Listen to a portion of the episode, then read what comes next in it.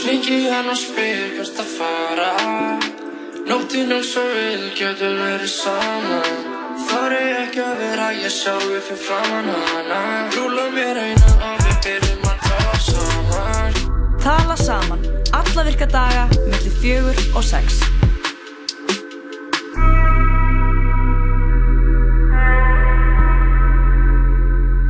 Já, klukkan er einu myndir í fjögur á þessum fína förstu degi og tala saman er svo sannanlega komið í loftið. Það er fyrstari dag, það er bongoblíða og það er smekk fullur þáttur hjá okkur í dag. Mhm. Það eru Jóhann, Birna og Lóa sem ætla að vera þetta með ykkur til klukkan 6 í dag. Heila, heila þrý ekki maður. Já, Já, til klukkan 6 Jóhann. Já, við erum mætt og við ætlum að grína sérna með ykkur til klukkan 6 í dag Við ætlum að vera að sprella hérna aðeins með ykkur og vera smá frík. Vera smá freaky Hún vera er frík, hún er frík. En við fáum til okkur gátt fólk. Nóa góðu fólki í dag maður Það er bara, er það svo mikið að góðu fólki að það mætti heita, mætti vera bara skýran þátt góða fólkið Já, góði heimurinn. Já, góði heimurinn Uh, það er er bíóhótt. Já, og við erum að tala um bíóhóttn og, og jam playlistan í dag meðal annars. Já. svo ætlum við aðeins að tala um tónleika, eða event sem verður haldið annað kvöld. mm Á príkinu. Já, það er á daginn Er þetta um daginn? Þetta Já. er fjögur til nýju viðbörður, sko. Mhm. Þetta, Ok. þetta mun ekki fara inn í jamkvöldi á príkinu, sko. Þannig að þetta verður tónleikar út í portinu. Við erum að tala um Mhm. tónlist gegn landamærum. Já, Og Steinun, uh, sem er uh, ein af þeim sem er að skipulegja hátíðan, ætlar að vera í viðtaliðin eftir. einmitt. Svo ætlum við líka, já, Viktor kemur til okkar að segja okkur frá síningu sem var haldin í nullinu. Já, hún er í gangi núna á- Viktor Væsabell, Viktor grafískur hannur. Hún stendur yfir hvað alla helgina? Já, ég vona það Hann- Hann kemur allan Hún sé ekki búin núna og kom á kynna hana of seint. Nei, ég held að það hef ekki, ekki verið eina af þessum mann svona 6 klukkutíma sýningum sem opnar og lokar bara En Samleiðis. Jóhann, þú ert á tökkunum í dag og ætlar að spila góða tónlist. Já, Ég vil fá fössara tónlistina Já, í dag, ég held sko. að það verða alveg fössara stemmiðar í okkur í dag, sko Já, það er góð dagur í dag. Það er darún, darún dagur í dag eins og- Darún dagur. Já. Dalún. Dalúm dagur í dag Ég, ég hef aldrei skilað hennar frasa, sko Getur, getur þið það fyrir þið mig? útskýrt ég, þennan sko, frasa? Ég ég bara- veit ekkert hvað þetta er. Nei, við veitum það Dalúm ekki, dagur. en það er dalum dagur í dag og við bara skrifum undir það og það verður anna partítónlist, það er förstu dagur í dag það er gott viður, þetta er svona síðasta helgi margra allan áður en fólk fyrir aftur til vinnu og skóla, er það ekki? Jú, og Já, Að það er kannski næsta veist, helgi aðalega þessi helgi Svo- og næsta, fólk er að klára sumafríðin sín. já, En uh, Sunna Ben, hún er einmitt DJ og hún hefur DJað þó nokkuð oft á príkinu. Já, Og sem er svona uppáhaldstæðurinn okkar, já það er eini, eini klúburinn á Íslandi eini klúburinn. Og hún verður hérna í jamplaylistunum eftir, þannig að hún ætlar að hitta smá upp fyrir helgina með Já, okkur. við getum- Kom með sín bestu jamlög. mm komið með þrjú svona ómissandi lög fyrir jammið. Mhm. Ég er Já. mjög spennt að heyra hvað hún kemur með. Ég líka sko, hann hlað mjög áhugavert í síðasta djamplaylista þegar Steinei skúla kom til okkar og hún spilaði eitt lag sem hún hafði aldrei heyrt áður Já, Já, ég hef aldrei hitt það lag Ég bara, er þetta ekki lag sem þú setur á til að koma þér í gýrin? Bara, þetta er bara, ég spurði yngsta vinn minn um eitthvað lag og hann reyna stóð- eitthvað tjúl. Ég held að Sunna sé að fara að koma með eitthvað sem hún hefur hlustað á. Já, ég, mér finnst það eiginlega að vera smá skilir sko. Mér finnst að, að jamplaylistin eigi bara að vera eitthvað svona sem Spotify setur saman fyrir þig. Já, svona Today's picks. Recommended for you bara Já. En sko, Jóhann, mm nú ert þú líka plötsnur. Jú, jú, ég er það Uh, við fórum aðeins yfir nokkur lög í gær, svona gömulög sem Já. koma hann í gýrin. mm -hmm. Þurfum ekkert að halda okkur í gömlu lögunum í dag, sko. Nei, En þú kannski byrjar á einu fyrsta lagi. ég ætla að byrja einu fyrsta lagi Þetta er með uh, katalónsku söngkunni Bad Gyal lag sem kom út bara fyrir nokkrum vikum síðar og það heitir Húka Já. Ég sé að kynna það bara í gang Esta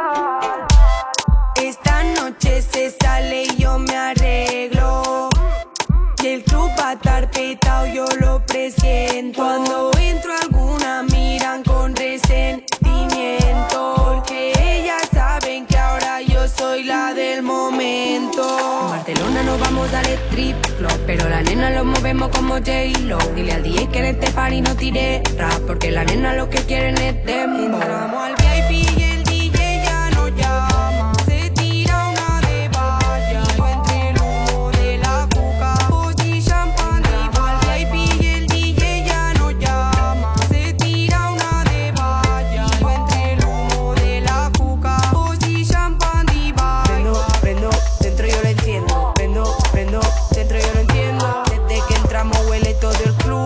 Desde que entramos huele. mm. Siempre el humo fue que nos fuimos y cuerpo con cuerpo, tú y yo unidos. No recuerdo cómo nos conocimos,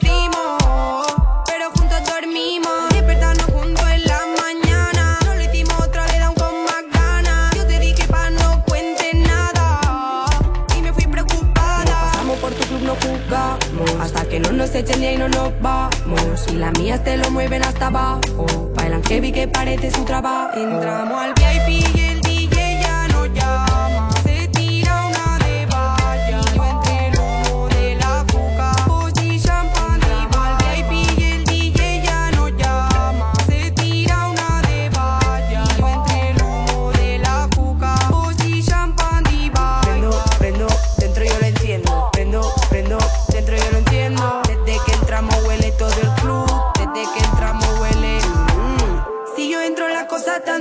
Nos ponemos friki, fumamos María. Necesitamos man que pague la cuenta. Estamos por aquí, facturamos cada día.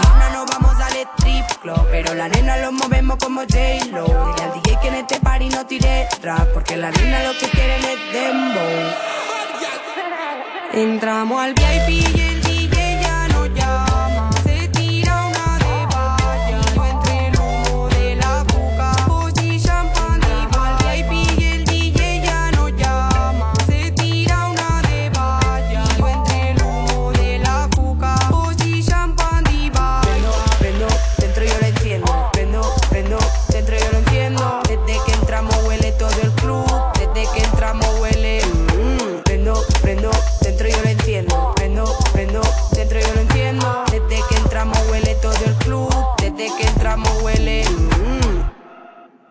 Já, þetta var söngunan Bad Gjall frá Katalóni, lagið Húka.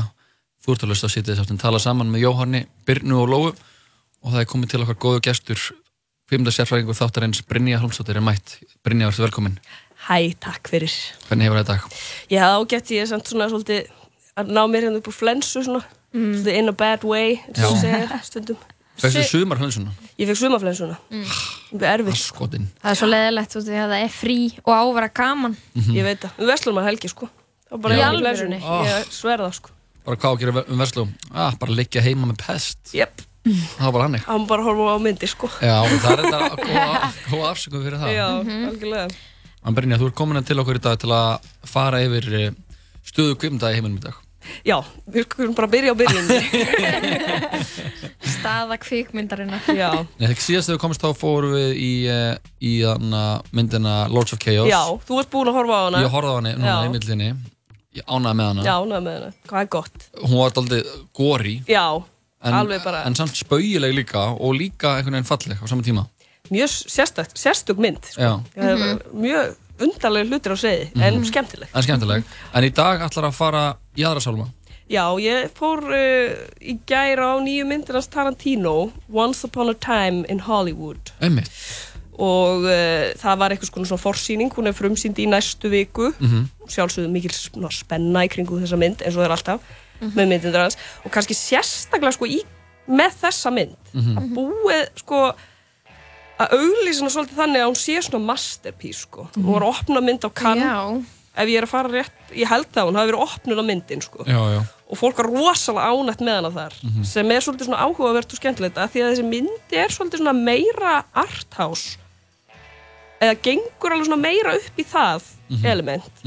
Inn í svona þetta kvikmynda hátíða element. Þetta eru margar aðra myndir sem eru meira svona genre myndir meira þú veist kung fu mynd eða vestri eða þú veist eitthvað svo leis Einmitt. þetta er bara þetta er svona meira bara svona svona portrætt af uh, persónunum og líka bara þessum svona áratug Svona stemmingsmynd. Þetta er 100% stemningsmynd sko. Ok. Hún er bara svona eins og Dazed and Confused eða eitthvað. Hún er svona, já, já. hún svona líður áfram Það gerist ekkert, hún er svona líka samt svolítið svipa á Hateful Eight síðasta myndin, þá er hún svona langur aðdráðandi að svona klæmaksi og hérna og þessi aðdragandi er ekkert rosalega viðburðaríkur, eh, þannig laga sko. Nei, fólk er bara svona einhvern veginn að að stúsast. Já, og aðstand, já, og hún er bara, þú veist, náttúrulega mjög flott og fyndin líka og, uh, en hún er einmitt svona hérna, ekki jafn mikið svona sjannra mynd sko. Nei.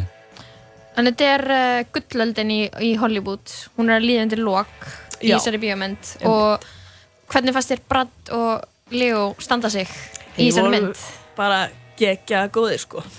Mér finnst þeir bara aðeinslir rosa gaman og, því, hérna, og þeir eru svona flotta personur sem er svona þeir þú veist þurfa ákvörðu öðrum að halda. Brad Pitt er svona hann er svona sponsor eða svona stuðnismæður fyrir eh, Leonardo sem er hann er að leika leikara sem heitir Rick Dalton og hann er svolítið svona með þetta ótrúlega fyndna svona leikara ego þú veist það er allt, ekkert nóg gott fyrir hann og, og hérna, hérna og, og Brad Pitt er svona meira down to earth og þeir þurfa svona að pakka hvern annan upp svolítið og síðan er svona þriðja aðalpersona sem er svolítið auglýst líka sem aðalpersona í myndin er Sharon Tate sem var öfruleg leikona og, og hérna kona Róman Polanski sem var fjall fyrir hendi Mansson fjölskyldunar Einmitt.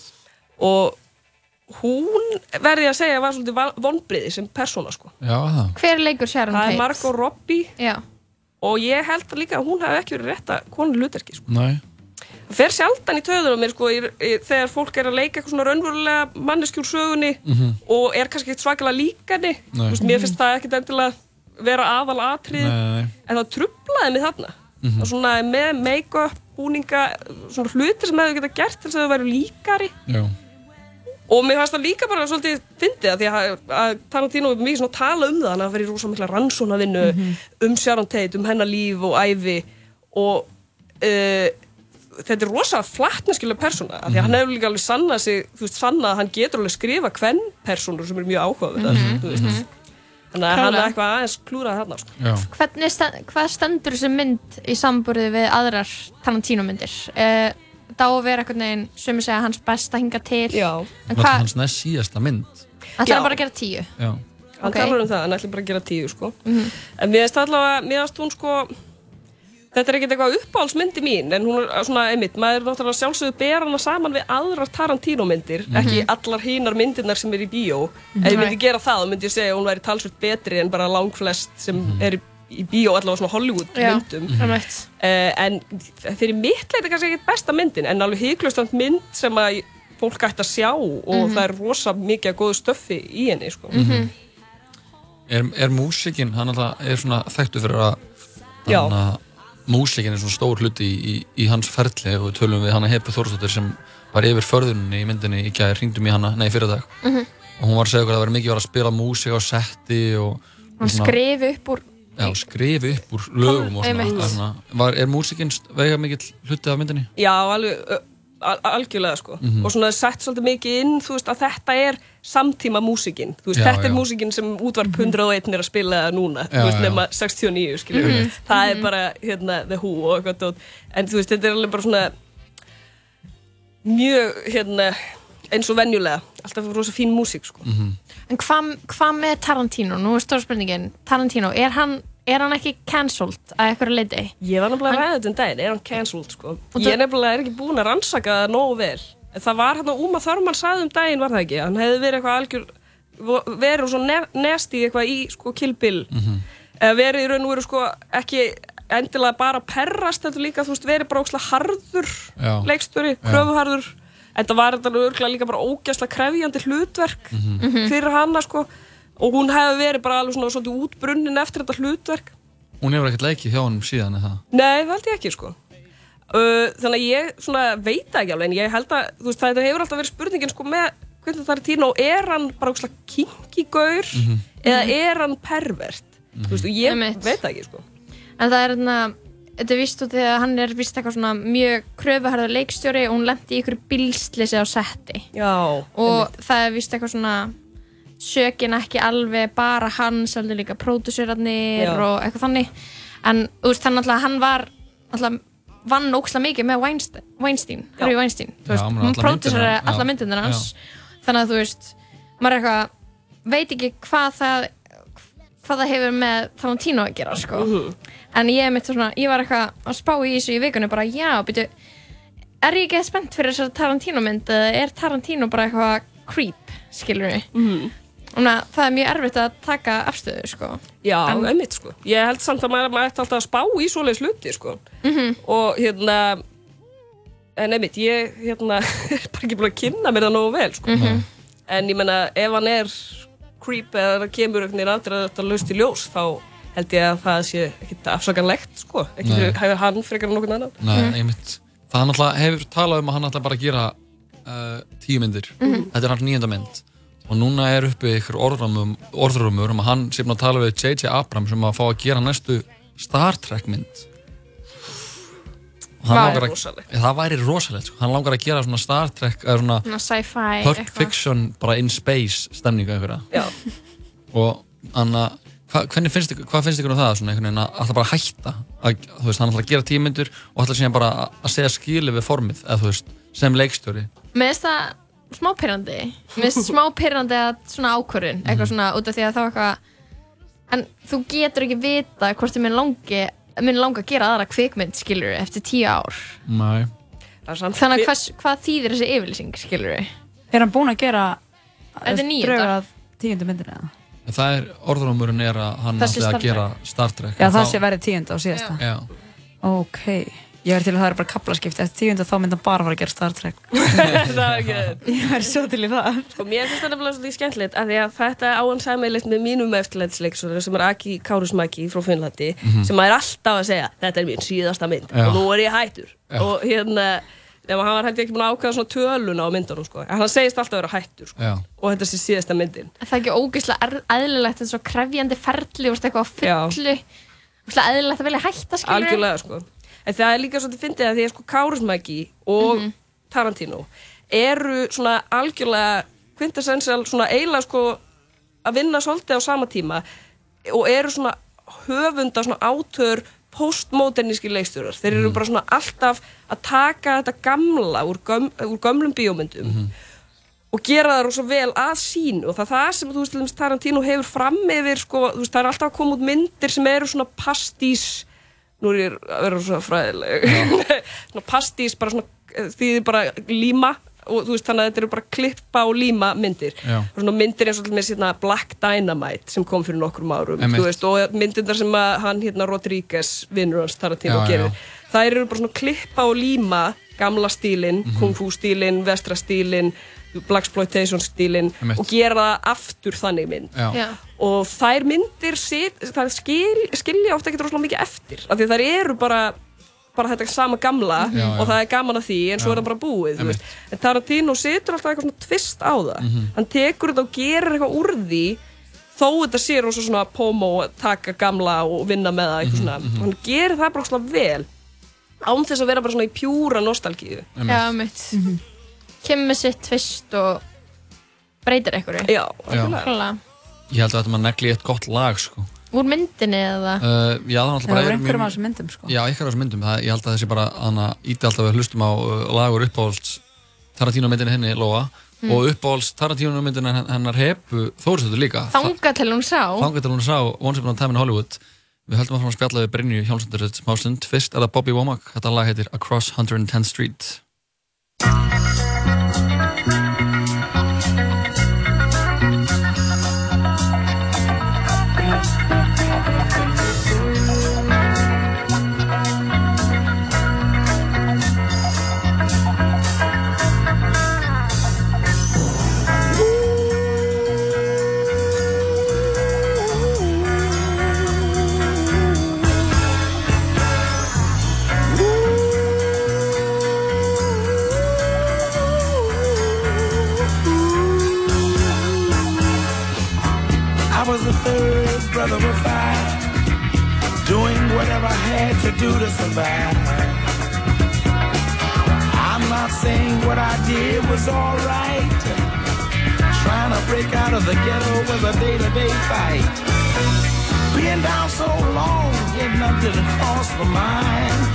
knew there was a better way of life, and I was just trying to find. You don't know what you do till you put under pressure. Across 110th Street is a hell of a tester. Across 110th Street, pimps trying to catch a woman that's weak. Across 110th Street, pushers won't let the junkie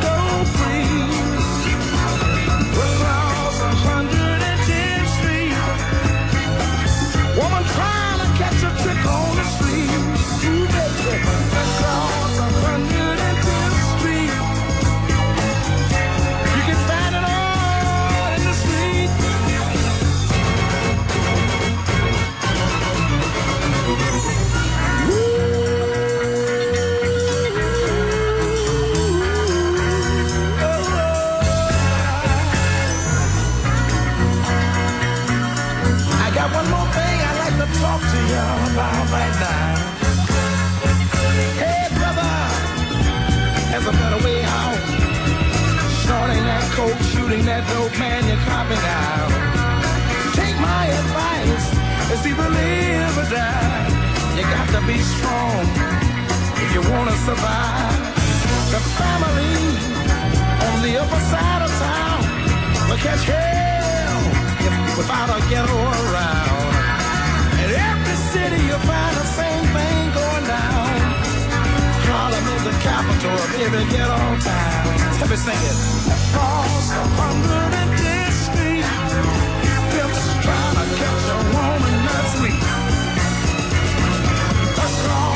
Across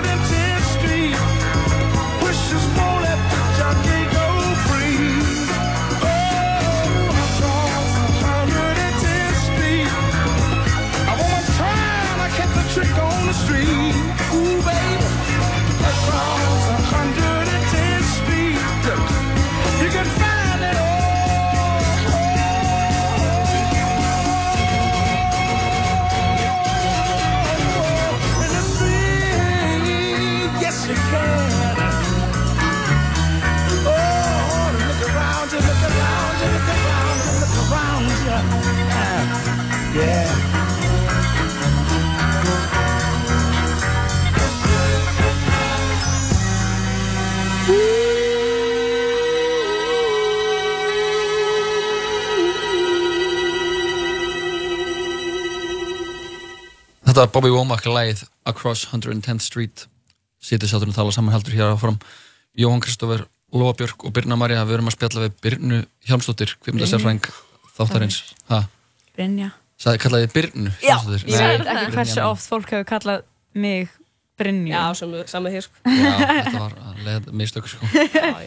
En uh, Brynja þannig að getur kannski satt okkur svona aðeins meira frá þú veist, við getum farið aðeins meira út í þannig að svona um hvað þessi mynd er í rauninni Já. af því að ég einhvern veginn hef hort á trailerin fyrir, hann, Mhm. fyrir hana ég er náttúrulega ekki sé myndina Mhm. en ég hana, er ekki ennþá alveg að átta mig á því um hvað hún er Og myndin er og veru um, hún byrjar á því að hann uh, að kynna til söguna Leonardo DiCaprio persónu sem heitir Rick Dalton Mhm.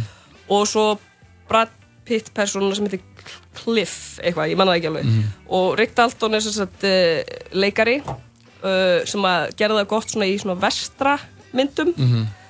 og uh, Cliff er uh, hérna, áhættuleikarinn hans, svona stunt-up Já, stand, já En hann er raun og veru miklu meira. Cliff er svona besti vinnur hans og Mhm. líka svona aðstofamæður hans. Hann keirir hann út um allt Mhm. og hann lagar dót heima hjá honum og þú veist, þeir eru svona, hann er eiginlega bara svona vinnur fyrir hann eiginlega. Og uh, á, í svona byrjun myndarinnar þá er það að koma í ljós einmitt af því að þetta er uh, eins og kom fram svona lok gullaldar Hollywood og í gullald Hollywood var það svolítið þannig að leikarar voru svona skráðir bara á eitt stúdíó Mhm. og hérna og þetta var allt svona svolítið mikið svona færiband að vinna ekki aðeins meira en það er í dag þó að sé það ennþá Mhm. og það voru leikarar svona til með sér svona hérna e, svona gaurar gáttu fengi tækifæri til þess að vera leading man eða svona aðalhetja Mhm. uh, og, og hann Rick Dalton er þannig típa hann er svona í, sérstaklega í sjónvastáttum sem voru vinsalir sem heitum Bounty Law sem að Quentin Tarantino hefur talað um hann hafi skrifað fimm þætti af bara svona út í bláin til að gera eitthvað svona research material fyrir Leonardo DiCaprio Já. en hérna já þannig að hann er svona cowboy gaur bara Já, já. en hann er núna orðin aðeins fullorðnari og er að uppgöta það að það er verið að uh, taka af honum aðalhlutverkin Mhm. og hann er farin að frekar leika vonda kalla og þetta er eitthvað sem var alveg gert í Hollywood veist að uh, að aðla karlmenn sem sagt karlkisleikarar voru settir í því að að það að vera vondi kallinn og þá hætt veist þá byrjar fólk að sjá þig öðruvísi eða þú veist áhörundur byrja ekki að hérna, taka þetta inn sem svona aðalhetjuna Nei. þannig að hann uppgötar að það er verið að vera svona ídón múti þetta Mhm. að vera vondi kallinn Mhm. En honum stendur líka til bóða að fara til Ítalíu og vera aðal hlutverk í spagetti í vesturum Já, og en honum já. finnst það ekki nógu fínt. Þannig að er, spurningin er að vera í Hollywood sem hérna Já. eða aðalstjarna í ítölskum spagetti vesturum og þetta er rosalega erfitt fyrir hann. Honum finnst þetta alveg hræðilegt bara og hérna og, en hann, hérna, vinnur hans Brad Pitt þarf að hugga hann svolítið og segir að þetta sé hugsalega sko, þessir tveir möguleikar að vera svona auka hlutverk eða aðal hlutverk mm. annarkort í Ameríku og Hollywood séu kannski ekkert svo svakalega hræðilegir valkostir, það er margir aðrir sem hafa mjög mun verra. Já, já. en hérna og þeir eru allavega hann- hérna, eru bara eitthvað svona stúsast að leika í bíómyndum og, og hérna Leonardo er eitthvað svona hérna, eða Rick Dalton að reyna að standa sig eitthvað til þess að hérna, missa nú ekki hlutverkin sín og í millitíðinni þá er áhættuleikarinn Cliff Brad Pitt karakterinn. Hann e, hittir kemst í tæri við Manson fjö- fjölskylduna sem Já, var náttúrulega í raun og veru bara svona og fer á svona, svona uh, hérna, bíli sem þau bjuggu á. Þetta var náttúrulega bara svona samfélag svona hippa samfélag. Mhm. uh, og það kemur síðan í ljósa að þau, þeir tveir eða hérna Rick Dalton karakterinn hérna cowboyin hann um, býr við hliðin á Sharon Tate og Roman Polanski Já. og þannig að þeir sem að allavega líka þekkja söguna eins og þetta gerist í alvörunni Mhm. að þetta er, er sko Rick Dalton og Cliff Gaurin, þeir eru ekki raunverulegir en Nei. Sharon Tate og Roman Polanski eru raunveruleg og þau voru, eh, hérna, Sharon Tate var myrt af Manson fjölskyldunni Mhm. þannig að þetta er svona verið að búa til svona einhverja svona undarlega sín inn í þetta Mhm. svona hliðar sín sko.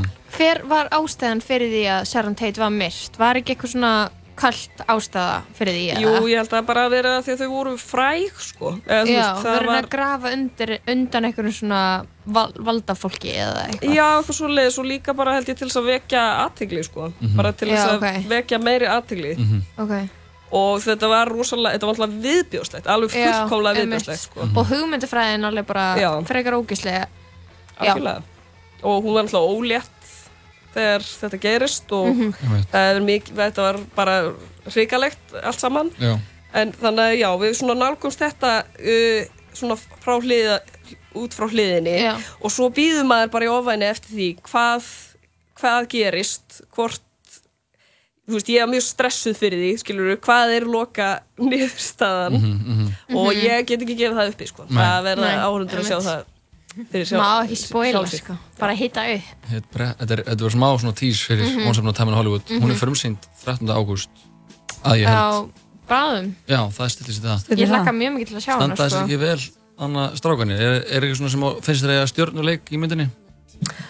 Já, ég meina, mér finnst þeir báðir alveg frábærir, sko. Mhm. Sérstaklega, já, Leonardo DiCaprio er á rosalega fína leiki í þessari mynd, sko. Já. Þeir eru, þú veist, það er líka bara allir leikarnir eru frábærir og það er náttúrulega svona ótrúlega flotti leikarar sem eru í mjög litlum hlutverkum Já, sem koma- svona menn eins og Tarantino komast upp með að gera, skilur að það kom, komi inn hérna fólk bara, og svo er náttúrulega, er hann líka koma svona þessir, þessir leikarar sem eru oft í hans myndum, Einmitt. að hann er svo svolítið að vísa í sína eigin myndir og svona Já, það er alveg þessi, svona, þessi gömlu cameo sem, Já, einmitt hans, hérna, Mikael Madsen Já, í bara já. pínu litlu hlutverki, Já. sko, og svona Al Pacino í svona frekar litlu hlutverki líka og síðan er hérna þessi ástralska sem er í hérna bílamyndinni, Death Proof, já, já, já. ég og skemmtileg, ég man ekki hvað hann heitir.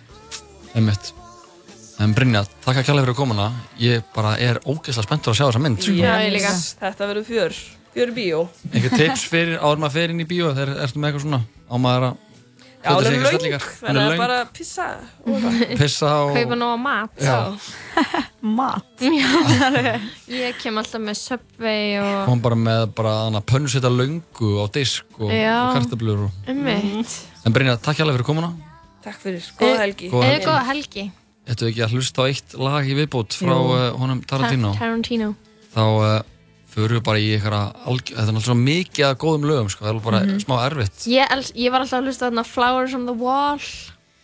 Flowers on the Wall. Já, mun eftir því lagi. Nei. Það var í, þarna, var það ekki, Það var var ekki Pulp Fiction? Finnst það Girl, you be a woman soon. Mér finnst Já, það sko. Já, Ok, Jungle hvort- Boogie. Hvort Já, verður? það er Jungle Book, ég er ekkert þessara lag, sko. Það, ég held að það verði Það verður vanlega, já. Já, Ok. við höldum hérna áf, áfram eftir öskamastund, við fáum til okkar fleiri góða gesti. En Já. uh, þangað til, Jungle Boogie.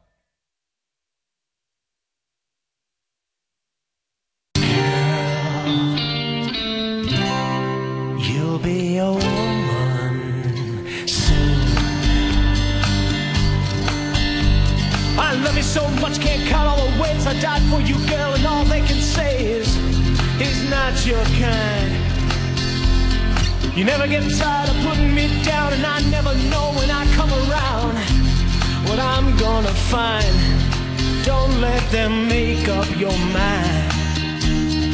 Don't you know, girl?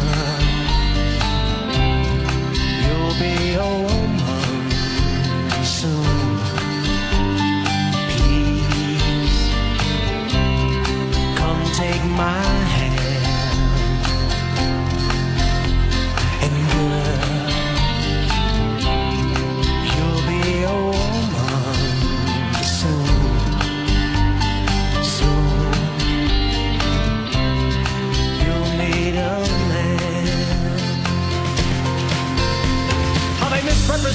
all of my life, but what they're saying, girl, just cuts like a knife. The boy's no good. Well, then finally I found what I'm looking for, but if they get a chance, they'll end it for sure. Surely they would. Baby, I've done all I could. Now it's up to you, girl. You'll be a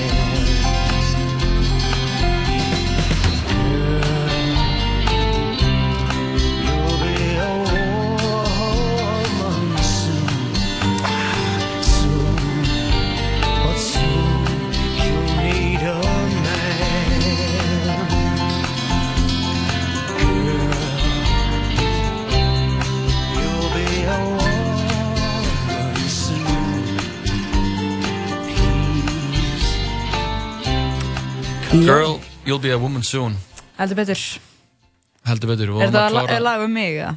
Uh, já, um ykkur allar, allar stefnum sem sitja hérna. Við vorum að klára að spjalla við hérna Brynju Hjálmsdóttir, hún er kvimdagsjárfræðingur þáttarins og við vorum að ræða nýjustu mynd uh, snillingsins Quentin Tarantino, myndina Once Upon a Time in Hollywood. Þetta er út af því að við vorum að grínast með, hann ætla bara að gera tíu kvikmyndir Já. og mér finnst það svo mikið bara, hann er, hann er perri fyrir sjálfum sér, hann er bara, "Ah, ég er bara að gera tíu myndir Mhm. Og því ég er svo frábær, þetta er arleið mín. Já, við svona. höfum að vera listamæður sem við hugsa svona. það er það. En við höfum áfram, við erum komið með annan góðan gest til okkar. Steinun Sigtrúar Jónsdóttir er komið til okkar. Steinun, verður velkomin. Takk kærlega, takk fyrir að fá mig. Já. hjartanlega velkomin. Þú ert ein af þeim sem stendur, hvað, á bakvið viðbyrðin uh, tónlistkæk landabærum sem verða útitónlingar á prikinu núna á lögadaginn. Mjög rétt. Getur þú sagt okkur aðeins frá svo viðbörð? Já, þetta er er að svona-? Þetta er svona fundraiser sem verður haldinn í portinu og fyrir No Borders Mhm. uh, og starfsemi í gegnum, kringum No Borders og kringum Mhm. flóttamann í Íslandi og ætlum að halda bara fárlega góða úttónleika í portinu Mhm. og fullt af góðu fólki að koma að spila Mhm. Jóð, þú ert að spila Ég er að spila. um, Gott fólk að kynna líka Lóa, þú ert kynnir? Já, er, er Rebecca kynir og ég er svona með henni. Og gott fólk að DJ, þú ert að DJ Gott, Steinunn. heyrðu, já, ég það, þarf eiginlega- það þarf að koma þessu fram í er- þetta er smá- Birna, þú ert að breyta. Já. Það eru bara allir Ég er með sko. línudans Skottís. í portin á bygginu. Það er mikið fræntegli í gangi á þessum er hapínu, og sko. þessum þætti. Það er sterk tenging, sko. Hvað segir þú? Og Birnir, rappari, hann verður svæðinu, Sturla Atlas, Alvía, Yes. fleiri, mikið sko. Já, það er Gróa. sem já, já, Gróa, Sana Sari, um, Kultur Cypher, Countess Lace, Jópjó og Kitty, Króli. Allir, Kitty allir að koma, sko. Jú, Jú. Pjó Kitty. Þetta Kitty er bara eða Króli? Hvort er það Kitty eða Króli? Ándjók sko, hot debate. Já, Kitty á Prif, Á Main. Það Ah, sko.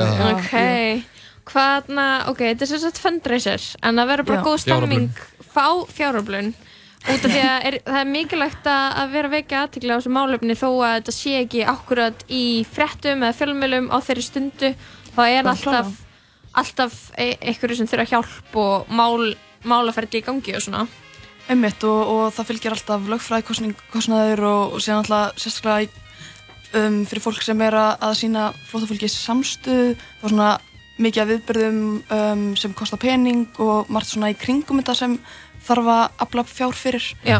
og, eins og segir, þetta er ekki alltaf í, í hérna, fjölmjölum, það kemur alltaf fer, flóttamannamálinn koma inn í Mhm, fjölmjöla og fara síðan Já. en veist, þetta fólk er alltaf til staðar Mhm. og það er alltaf fólk sem þarf á, á hérna, hjálpa að halda og bara samstöðu og, og vináttu sko. Mhm, þannig algjörlega. það er mikilvægt að þessi, þessi mál gleymist ekki þegar það er verið að ræða eitthvað annað sko. Nákvæmlega. Já, að- akkurat kom, hvernig kom þetta til, þessi, þessi, þessi viðbörður?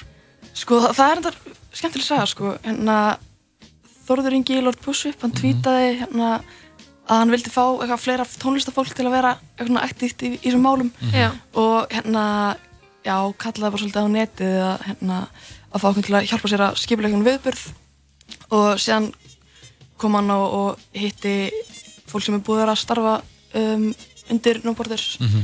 Ísland og komið eitt á fundi og við svona rættum hva, hvað þetta að gera og síðan bara skipulega tónleikar sko. og það búið að vera ótrúlega fallegt að það ferðlega skipulega geta ótrúlega mikið af tónlistamennum sem eru til í að taka afstöðu til í að um, taka þátt í að veita þessum málflokki einhvern aðtekli sko. Sem, er, sem er alltaf gaman sko. alltaf Mhm. gaman þegar svona senum við til í að vera alls saman í bara hérna, Mhm. ekki, ekki allir í sínu ein hófni sko.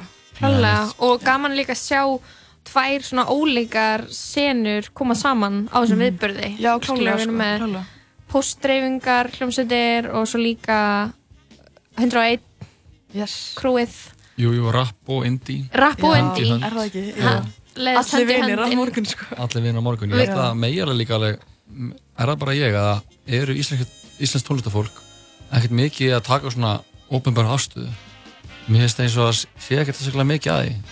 Nei, mér finnst ég held að fólk sé oft trætt við að gera það nema það sé eitthvað svona ofnbæra afstæða sem er bara mjög Samþykkt. eitthvað sam- samþykkt sko. Mhm. En alltaf rótækt það sem No Borders samtökinn standa fyrir þau standa fyrir engum landamærum Já, það er vissulega Og mjög róttækt, það er, það er rótækt fyrir mjög marga Já. að það er bara að ég að fella niður landamæri og hleypa fólki þangað sem það vil komast bara að binda enda á þjóðrikið Já, um eitt. En í millitíðinni meðan að það er ekki uh, hægt að standa þá með öllum sem eru svona fórnalum landamæra. Já, klálega sko. Og, og það eru klálega margir hælisleitundur í þeirri stöðu bara að vera fórnalömb Mhm. landamæra. Einmitt, já, bara mjög einfalt. Sko. bara kerfisinn sko. og það er, Mhm. og það er sko, svo mikilvægt að vera ekki of svart sín þegar það kemur að þessu einmitt eins og segir, það er ekki að segja bara hvað, við erum ekki að fara morgun að, að hérna, fella öll landamæri heimi en veist, samstaða og, og það að gera eitthvað í málunum skiptir svo miklu máli Mhm. að hérna, já, taka eitthvað í sína reyn hendur sko. Mm Taka afstöðu. Já, Taka afstöðu. halda samtalenu gangandi og minna stjórnvöld á að maður er ekki búin að gleyma því Mhm. hvað, þau, sko. eru að gera. Þetta var spurning um að pyrra, pyrra ríkistörnuna Einmitt. þau þau ekki fá vinnufrið sko. Nei, það er ekki að vinna Þau eru í sumafríi núna. Ég Já. sá um mitt, þú varst þarna, hvað var það, þar síst helgi eða eitthvað? Þú varst að lappa niður skólaverstíðin, eða þið voruð eitthvað nokkur Já, saman. heyrðu, jú Hvað voruð þið að að gera? spottaði. Við vorum að fara í fótbolta sko.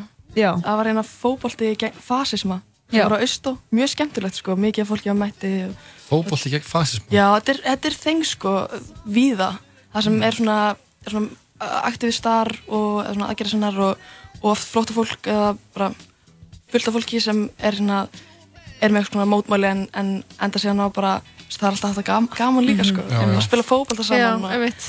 svona, þekkt í, í, þú veist, í þeim sérstaklega kannski síðustu, síðustu árin að það sé eitthvað svona Mhm. hægt að taka afstöðu gegn uh, rasma innan, innan hérna, íþrótta og svo leiðis. Já, þú talar jú um að tónlistamenn á Íslandi sé ekki dörlega að taka afstöðu þannig mætti gera ákall til íþróttamann á Íslandi Já. sem eru náttúrulega margir hverju mjög frægir og Já, svona hafa mikið völd sem Mhm. hafa ekki verið mjög dörlega að taka afstöðu Já, þannig að ennallega ákveðin svona afturhaldsemi í íþróttum. Já, getur verið Bara sko. þvert á eiginlega, eða svona Mhm. Þannig að og þannig að kom skýrt í ljós í, í þessu máli í fyrra með hann uh, Colin Kaepernick Já, einmitt. hann að ruðningskappan sem mm Mhm. beigði, eða tók hnið, fór nýr á hnið þegar Mhm. Bandaríski þjóðsöngin, já. þjóðsöngurinn var spilaður og hann hefur bara ekkert fengið hann hefur ekki fengið hann inn í neitt lið síðan sko. Nei, að það er meitt hefð fyrir því í íþróttum víða að svona eins og hérna svona sögulegt moment á, á olimpíuleikunum Mhm. þegar lift upp nefanum einmitt, um, einmitt þannig það er, veist, er til dæmi svona, það er að taka afstöðu á, á, á svona mjög svona ef þú ert með plattform til að byrja með Mhm. uh, og ert þekktur að frægur og fólk er til að hlusta þig þá er svo mikilvægt að nýta sér stöðu sína Mhm. nýta forrétti sín í að, að taka afstöðu Mhm. Einmitt. það er mjög mjög veriðsvært Já, þannig að það kom, það var Anna, núna í kringum heimsbjörnstara móti í fókbalta hjá konum Já. hún, uh, hvað er hún áttur sem fyrirleiði bandaríska Já, ég man ekki hvað hann heitir en ég, veit hvað þú Arnþór að tala um sko. með, með bleika hárið Já, Já. að hún hann sagðist ekki ætla að fara uh, í kvítahúsið ef þið myndu vinna Já. og Trump sagði eitthvað að þú voru nú að vinna fyrst eitthvað, síðan Hún heitir vann hún. Megan Rapinoe. Já, Megan Rapinoe, einmitt Já, hún það er er nett mús. algjör nagli Já. Mhm, Mjög töff það er alltaf mjög- það er mjög mikil afstæði því Já. og það alltaf er líka kannski alltaf þegar maður er í svona stóru landi eins og bandaríkinni þá alltaf er, er, er bara hana, sviðið bara, það stækkar alltaf bara Mhm. í fleiri sem búi í landinu Nákvæmlega þannig að kannski er þetta ákall byrjum á að bara að hafa eina óbefært ákall til íslenskra íslensk íþróttaða fólks að Já, það þarf líka kannski bara einhver að sína frumkvæði sko. Mér finnst oft þegar, þegar eitt byrjar að þá langar hennum að koma og vera með Mhm, Þú veist mhm. ég þannig að kannski líka bara einhver eitt þarf aðeins taka skarið. Já, og sérstaklega með, með þennan viðbjörn sem er á príkinu á morgun að það er, veist, það er mjög mikill vilji hjá tónlistamennum að taka þátt og hjálpa og það er fullt Mhm. að liði í kringum sem er að, er að gefa svona til þess að uh, hjálpa þennan viðbjörð og, Mhm. og sína samstöðu sko. Mhm. og einhvern veginn það er mín reynsla á öllum þeim viðbjörnum sem um, ég hef komið að að skipuleikja sem eru róttakir eitthvað leitið að, að fólk er, þegar það beðið um það þá er fólk til að, Mhm. að hjálpa til og, og hérna, gefa tíma sinn sko. Mhm. Klálega. Við hvetjum bara alltaf til þess að láta sjá sig í portinu á sko. príkinu á morgun og vonum bara, vonum bara eftir góðu veð, veðri Yes. og það verður held ég bara good vibes. Já, og sérstaklega líka eftir tónleikana klukkan 9 til 12 inn á friki ég og Edda Kri að DJ Að DJ Oh my Það god. sem er ótrúlegt sko. En það byrjar klukkan fjögur Þetta byrjar klukkan fjögur og þetta verður úti til nýju og síðan verður haldið inn og Mhm. hérna fólk getur Nice. fengið sér að borða og fengið sér bjór og, Og það er, er ókipis inn en uh, þeir sem mæta get, er, eru kvartir til þess að styrkja samtökin bara um Já. þá uppa sem þeir eru færir um. aðgengilegt öllum ég vil svo þú sért blankur eða hvað sem er um, en einmitt, það er tekið við frálsum framlögum og það verður eitthvað varningu til sölu og, og, og svo leið sko. Er eitthvað aldurstakmark? Uh, nei, ekki í portinu. Nei, það geta allir mætt. Allir mætt, allir mætt. Stuð. Og Steinunn. ég var að tjekka á þessu, það er engin regning engin regning Ah, það er frábært að heyra. Mæta, mæta með sólavörn í stuttum Takk hjá fyrir kominast inn Takk fyrir að fá mig.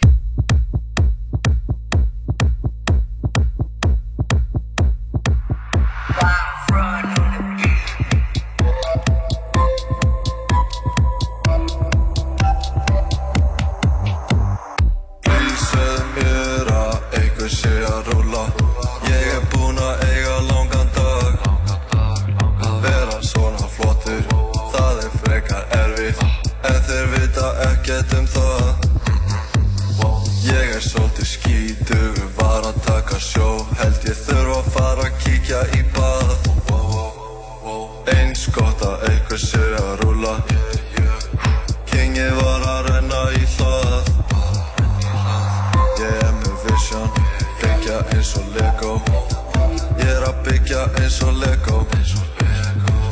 Gef henni tippi, gott tippi Svo hún kemur oft til mín.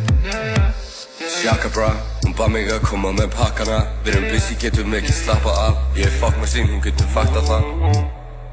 Hreiningar, settu þá ofan í pókana Jalapeno á sem lókuna Rífur í hann eins og gólhrófar Ég þurft að hitta á plug, man Skirt, what's up, man What's up, man Rækjað, villjað, rækjað Tími til að vinna Ekki vera latur.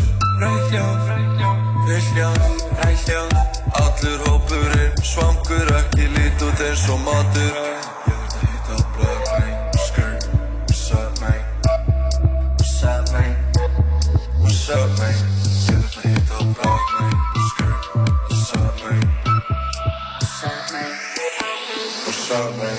man Please segðu mér að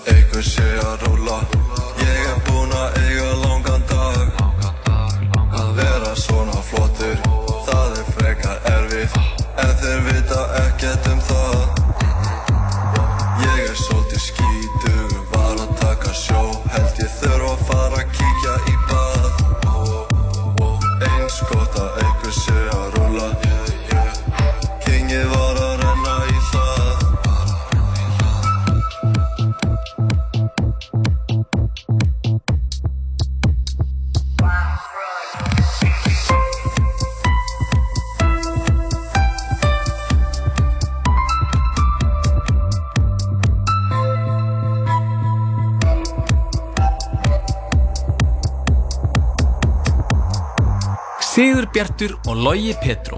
Alla virka morgna í morgun þættunum Musli Hamburgerabúla Tómasar Vatnið er eitt besti drikkurinn Hamburgerabúla Tómasar. Here I come. Anybody order fried sauerkraut? Níunda kvikmynd Quentin Tarantino Leonardo DiCaprio I'm Rick Dalton. Brad Pitt. Here comes trouble. Charlie's gonna dig you. Once upon a time in Hollywood Frumsýnd 14. ágúst. Útvarp Já, þið er að hlusta og tala saman með Jóa, Bibbi og Lói.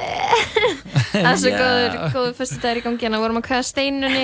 Hún verður með, hún verður eina af þeim sem eru skipulegja tónleikana í Portun og Príkinu um helgina. Jíha. Þannig að mikið að gerast um helgina. Það er leika Plan B Art Festival í Borgarnesi. Mhm. Það verður fullt í fjöru þar. Heldur betur Fullt af listamennum að taka þátt. Mikið af uh, skemmtilegu fólki. Mhm. Og bara hátíðum allan bæ. Mhm. Þannig að skemmtilega helgi framöndan bæði hér í Reykjavík og í Borgarnesi. Heldur betur, við erum að peppa það í stóri hjá okkur Já. Að að það í stóri, já. Allir að taka, allir að taka Taka hvort annað þannig þið getið reposta. Já.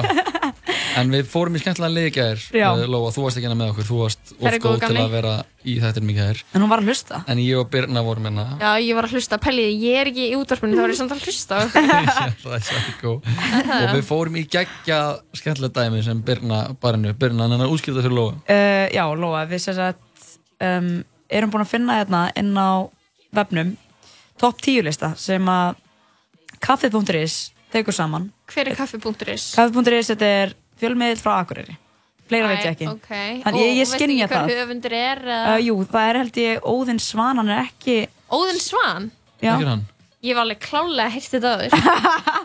það En skiptir ég veit alveg hver þetta er. Það og- skiptir þessi, ekki öllu. þessi gaur er allavega með putan á pólsunum að því að í gær fóru yfir tíu frasar sem að hann hatar Mhm. og þetta er sko þetta er mjög fyndið að því að hann tekur oft saman svona neikvætt dót, Mhm. eitthvað sem þarf að laga topp 10 hluti sem þarf að laga, topp 10 sem vantar og Hann núna er mjög það- aðtugull sko. Hann er mjög aðtugull Nú Hann ætlum við, Akureyringur. nú Já. ætlum við að fara í topp 10 ástæður þess að akureyringar eru leiðilegir uh! Við byrjum í tíundasæti Og ég verða Má að ég setja- gera hennar lista líka? eða? Ég verð að setja hérna smá hana varnagla Þetta er náttúrulega endur speklar ekki okkar skoðanir Nei. Við erum að Nei. lesa hérna lista inn á kaffe.is Og þetta eru hans prívat og persónulegu skoðanir Já, þetta er bara gert bara- til gaman. Þetta er til gamans gert Má ég gera mína top 10 ástæði fyrir að aðgreiningar er leið? Þú verður að gera Nei, ég er að tjóka, á t.is. En skulum byrja á uh, það sem hann setur í tíundasæti Mhm.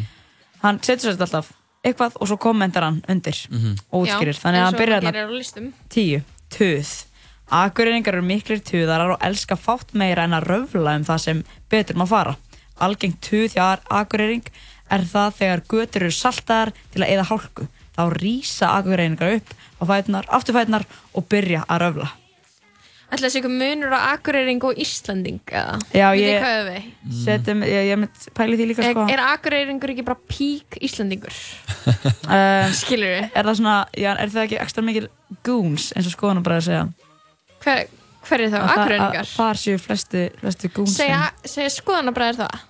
Já, þeirra goons séu þar Ég held sko að fyrir að Íslandingar séu fyrir þeim sem búa sko, þeir sem Sko, búa ok, fyrir, fær- þeir sem búa, fyrir ok. þeir sem búa í, í, í köp í Danmarku eru við eru við reykvíkingar þar sem akureyringar eru fyrir reykvíkingum. Já, ég held það. Þetta er svona alltaf Ok, svona, já. svona Já, minna, minna, og, minna. og svo fyrir akureyringum, þa þá eru hríseyingar þar sem akureyringar eru fyrir reykvíkingum. Og fyrir hríseyingum er þarna Við erum sem það, þrjú saman inn í þessu herbyggi. Ég er ekkert sérstaklega mikið borgarbönn. En Ég, Akureyri er náttúrulega ekkert mikil sveit, sko. Þannig að við getum ekkert, þau geta ekki notað það sem eitthvað svona afsökun, sko. Nei. Allavega, tíu, tuð, níu, flugvallarumræður. Akureyringar hafa gaman að því að ræða staðsetningu flugvallar á höfuborgarsvæðinu. Það er rosalega liðlega umræðin. Höfuðborgarsvæðinu. þetta er, þetta er enda mjög æ, Um, svo er næsta, það er svolítið skemmtilegt. Hann segir hérna, allir akureyringar eiga skóta Octavia. Akureyringar er eru hjarðardýr og þegar það spurðist út á Akureyri að skóta Octavia væri bæði sparnitinn og með litla bilanatíðni Mhm. þá ákvað 90% bæjarbúa að versla sér inn- inntak. Þetta er enda rétt, sko. Þetta er eitthvað sem hann er bara að pæla í. Mhm. Bara að hvað eru margir sem eiga svona bíl. Já.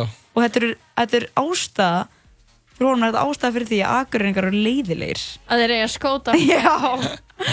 Sko- Sorry, en það er boring, náttúrulega, skilur við. Allir sem, sem eiga skóta Octavia vita að það var boring val Þetta er bara svona eins og þegar þú ferði út í eitthvað- stuttumaból Þú veist ekki að þykjast að það sé interesting fataval Einmitt. Þú bara ferði það sem er auðvelt Það er rétt. er eða? Tekur undir Já. Þetta er Eh. samt skot helsplan. Hvað? Að eiga skot að Octavia. Byrna. Uh. Þú er svo heppin að vera hinum inn í herbygginu Ég væri að tjóka þig Uh, rauðkala pilsur. Já, segir hvað er það því? Akureyringar þykjast bara rauðkala pilsur. Það vita allir að það er viðbjóður og hefur ekki verið getið síðan 1960. Rauðkál og pilsur. Ég valdi að borða það sko. Nei, ég borða ekki rauðkál sko, og hvað þá, og pilsur og hvað þá rauðkál og pilsur sko. Um það, sorry, en það skiptir mjög miklu máli en hvort það er að tala um ferskt rauðkál Þannig sé ekki tala um bara svona eða- rauðkál eins eða og svona með, piklað Það sé ekki svona eins og með hangikjötu bara. Já, Nei, það hlýtur bara að vera gott Bara dós. Sko næsta sem hann í segir er bara í sjötta sæti halda að þeir séu góðir að keira Akureyringum finnst þeir rosa góðir að keira bíl og elska fátt meira en þegar það snjóar í borginni borginni mm -hmm. uh, hinn ís- klassíski Akureyringur segir þá þetta liðarna fyrir sunnan kann ekki að keira í hálku Já, alrighty Já. Ég held að þið sé alveg betra að keira í hálku. Já, Af því veistu það er, ég- það er náttúrulega ekki skafað af gödunum. Jú, er það ekki? Hefur komið til Akureyrar bara í november eða janúar eða desember. Já, ég farið í skíða það er, það er fucked up hvað er mikill snjór. Já, Og ég held að það sé tölvöld erfiðar að keira þannig heldur en bara að keira upp ártúrsbrekkuna sko. Það er ekki hiti í gödunum. nei En þú veist, þeir eru Ég skil ekki svona ástæður Nei Hann býr þarna, ég geti komið með betri ástæður Sko Ástæður fyrir Akureyri er einhverju leðilegir Hvað meina? Og þegar þeir búa Akureyri Og þeir jamma á pósthúsbarnum Ekki Og dyrfast Jú, að tala byrju. illa um Jú, póstusbarnum. og þeim finnst DJ Heiðar Austmann að vera spennandi line-up fyrir kvöldið Herru, Ég nú get haldið áfram, Við sko. vindum okkur, Já, nú vindum þurfum- okkur næsta bara að spara þetta fyrir Sko, podcastið sko. Hérna, veðrið Þetta er basic Sko hann segir hérna Akureyringar elska að tala um veðrið og kalla bæði sinn kostadel Akureyri þegar hitin fer yfir 8 gráður. Mhm. Ef uppist að samræðina þína við annað fólk er veðurfar þá ertu bókað frekar leiðinlegur einstaklingur. Sko, þetta er bara Íslendingar. Hann er bara að lýsa Íslendingum. Þetta er ekkert Já. specific En samt þetta kostadel Akureyri sko. En Reykjavíkingar eru sjálfur ógisla sáttir þegar það fer yfir átta. That's a fact. Já, þannig að allir, allir á Íslandi eru bara ánægði með það, sko. Já. Það er líka bara Sko- geggja þegar það fer yfir 8 gráður. Þessi gaur hatar crossfit, við erum að komast að því að því næst setur hann bara crossfit. Allir akureyringar eru crossfit og hafa gaman að því að ræða það. Ég hef komið inn á áður, en umræður um crossfit eru jafn le jafnvel leiðilegri en umræður um veðufar. Það er alveg satt, sko, sorry Bubba Ég, ég veit ekki að stæra mig, sko, en, en bara þessi gaur, ætlar ekki að droppa þessu, hann er bara með þetta, í- ég er búin að lesa þrjá svona lista Og og það er alltaf alltaf inni. Já. Já, hann er greinilega ekki í góðu formi og það er ykkur öfinsíki og er lítill í sér Nei, það, það er náttúrulega því að það Ég er er að crossfit stöð djóka. á Akureyri og það er, Er all, halvt bæjarfélagi skráð í það? ég get alveg trúa að það væri margir í crossfit á Akureyri. Já, ég get alveg Og trúað þess vegna líka. get alveg trúa að þú ert ekki hluta þessu samfélagi að þú veist bara, sé bara eitthvað, god damn it, hvað þetta er pyrrandi. Mhm. Ég held sko að bara allar íþróttir, að þú ert ekki í henni að hlusta á samtalum það, er bara fárlega leðilegt. Já, svo strax þegar þú veist smá þá er það mjög gaman sko. Já, einmitt. Strax þú Þannig- ert bara sjálfur að stundi þetta, eða þú veist, hefur ekki eitthvað bara þegar fólk byrjar að tala um forgjöf í golfi skilur, þá er ég bara, Já. hvað er Ég tala um sko, svo segja hann hérna lokum Hver er helsta ástæðan fyrir því að akureyringar eru leðilegir? uh, þeir halda með sínu fólki sama hvað Akureyringar eru stoltir af fólkinu sinu svo mikið er stoltið að fólk heldur með Rúnari F í söngakeppninni bara því hann er að norðan ég, mér mér finnst þetta reyndar ekki svolítið ástæða sko. mér finnst það að vera að peppa Nei, finnst þetta grútlegt sko já, að peppa sitt fólk mér finnst það bara vænt. frábært sko. Ekkert af því. ekkert að því að peppa sitt fólk var þetta síðast á listanum með Það er tvent eftir ok, hvað er með það? uh, Í öðru sæti er hérna Akureyringar halda þeir eru í bestu veitingastæðina það er náttúrulega ekki satt. fínir Já, staðir það er alltaf en ekki- Það er mikið- náttúrulega bara það er hræðilega ekki rétt. matamenning fyrir norðan. Það er mjög bara- erfitt að finna Á ég eitthvað hægt næsta að vera sko. svona leðilega? Nei, Lóa, ég held að það sé það er þér bara líkamlega ófært Jói, að- hættu núna. Jói, passaði Nei, ég, ég þig, skrifa sko. alveg undir það að það er, Það er það einn- er tæpur Það er matur góðu oft. veitingastæðir. Hann er 1, 2 og Curry Hut og Rub 23 Já, 22. Það er eitthvað sushi-staðurinn. fiskistaður. Sushi-staðurinn. Já, Já, hann er örugglega góður. Er Sko, síðasta er uh, frekar basic en já, það er Brynjuísinn. Allir aðgörðingar halda að allur annar ís en Brynjuís sé óætt sull. Það sem ég fíla við hann við nokkar er að hann, er, hann, hann kemst vel á orði sko.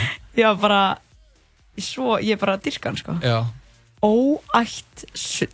Já ég þannig að Þetta er tíu ástæðar fyrir því að já, aðgörðingar eru leiðilir Næst ætla ég að koma með tíu ástæði fyrir að mér langar í sleik og kaffi.í skaurin.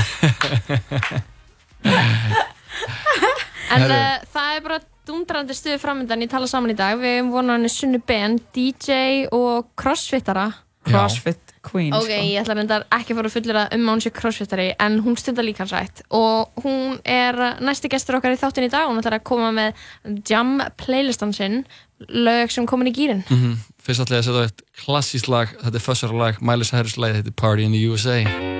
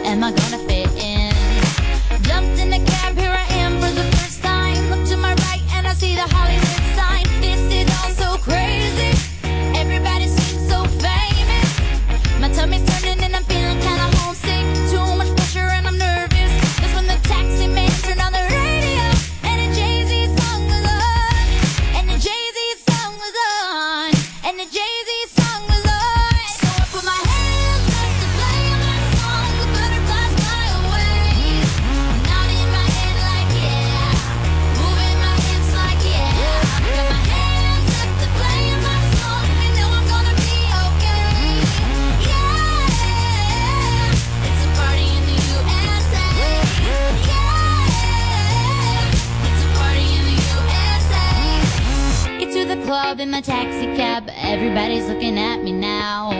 Like, who's that chick that's rocking kicks? She gotta be from out of town. So hard with my girls not around me. It's definitely not a Nashville party. Cause all I see is the letters. I guess I never got the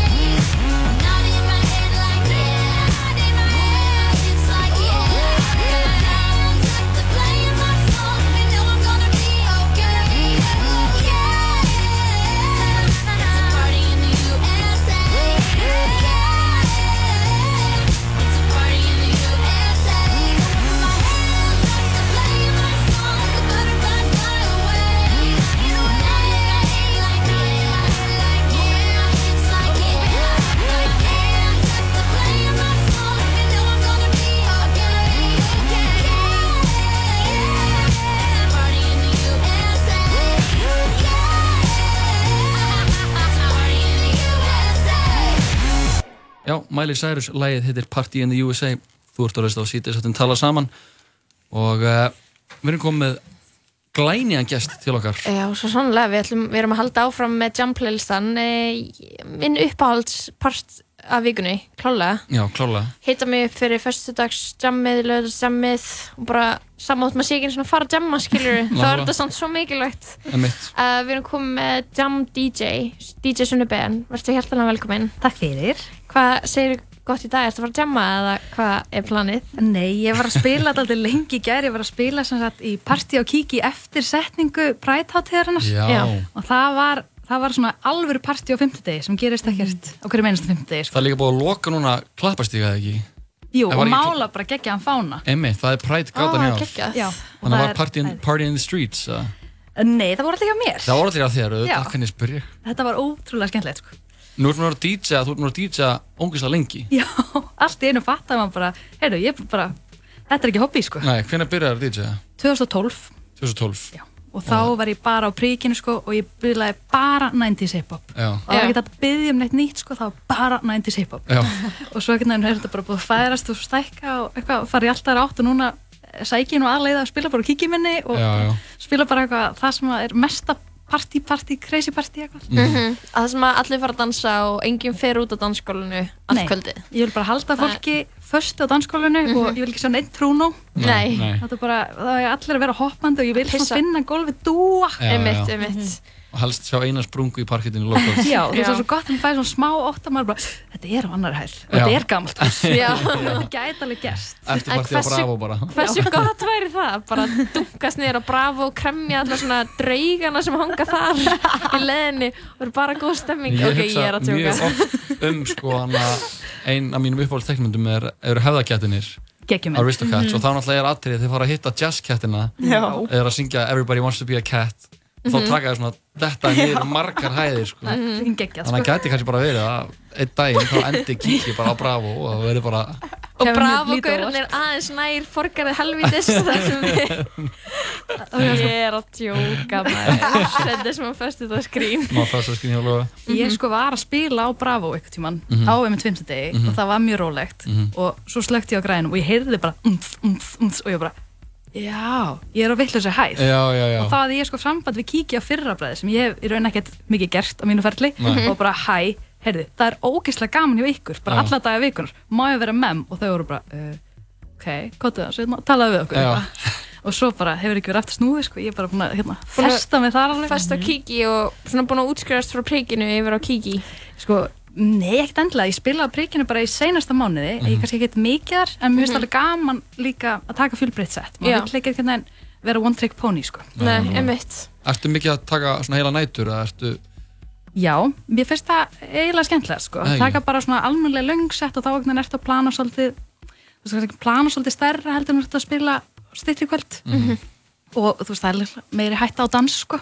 Já, já, Þannig að nákvæmlega þú ert að spila á okkur fimmtudegi þá er alveg líkur á að þú sérst bara eitthvað svona að horfa vandrarlega í augun á fólki eitthvað að reyna að þrýsta á það að dansa Já. þegar það er eitthvað að reyna að vera trúna því sleika eitthvað. Einmitt. Þannig að ég vil helst bara vera það sem ég veit að er partí sko. Nákvæmlega, partíið er það sem við viljum vera Já, hvað er þarna fyrsta lagi á listanum?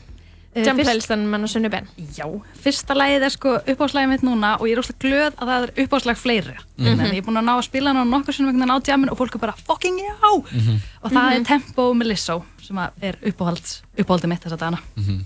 Ég held að þetta bara negli það Endilega. Tempo með Lizzo ásand Missy Elliot Já. Við fáum, uh, þetta er fyrsta lagi á Jam Playlistan með Sunni Ben Tjekkum á þessum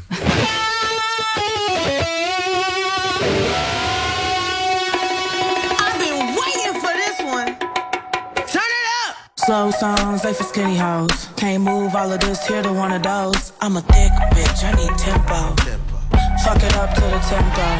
Pity pat, pity pat, pity pity pat. Look at my ass, it's fitty fitty fat. Kitty cat, kitty cat, kitty kitty cat. Pour me a glass, boy, I like my water wet. Throw it back. Throw it back, good Catch that.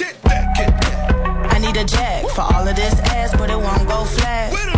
Baby, baby, some of this cake. He look like he could gain a little weight. Lick the icing off, put the rest in your face. Slow songs, they for skinny hoes. Can't move all of this here to one of those. I'm a thick bitch, I need tempo. Fuck it up to the tempo. Fuck it up to the tempo.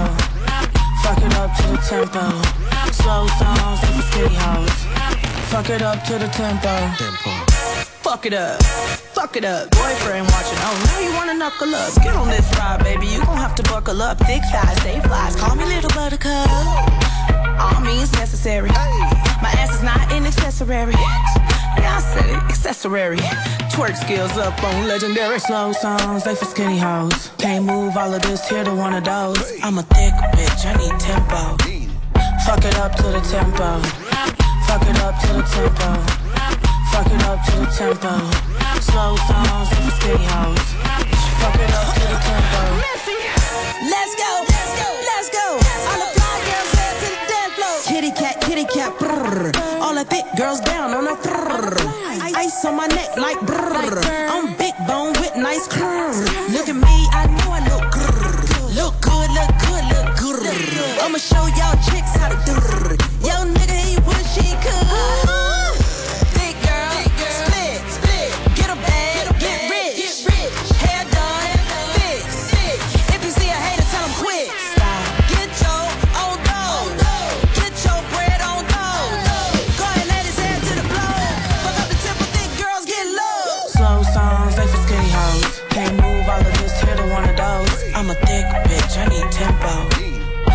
up to the tempo.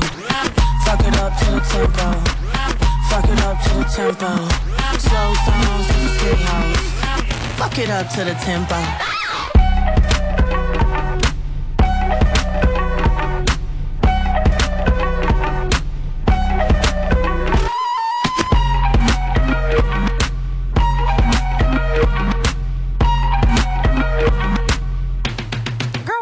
Shit back. Já, þetta var lagið Tempo með eh, Lizzo ásett Missy Elliot. Við erum að fara yfir Jam playlistan hennar Sunnu Ben.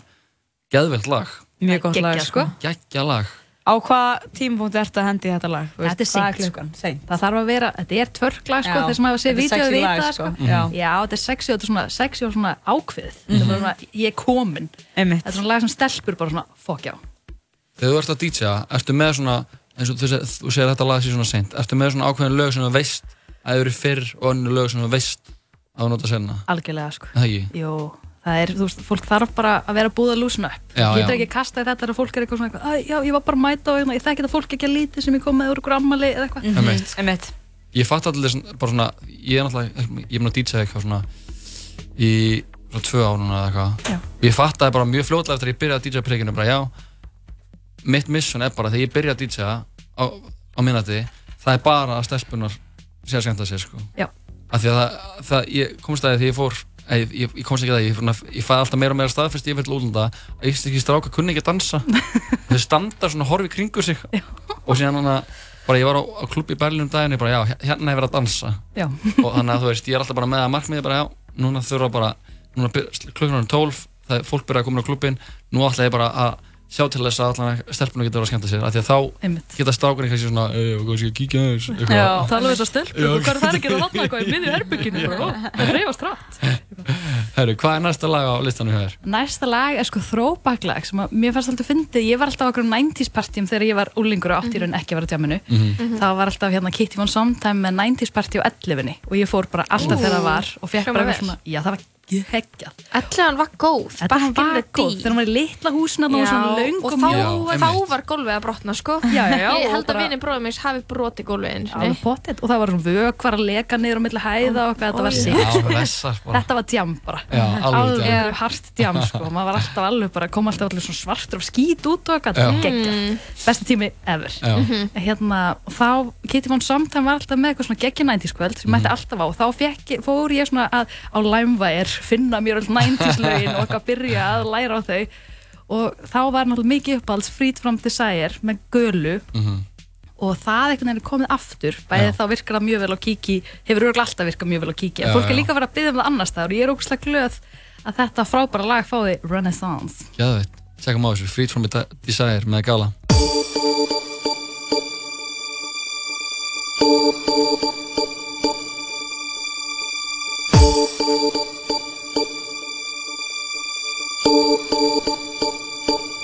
My lover's got no money, he's got his strong beliefs. My lover's got no power, he's got his strong beliefs. My lover's got no fame, he's got his strong beliefs. My lover's got no money, he's got his strong beliefs. One more and more people just want more and more freedom and love. What he's looking for, one more and more freedom and love. What he's looking for,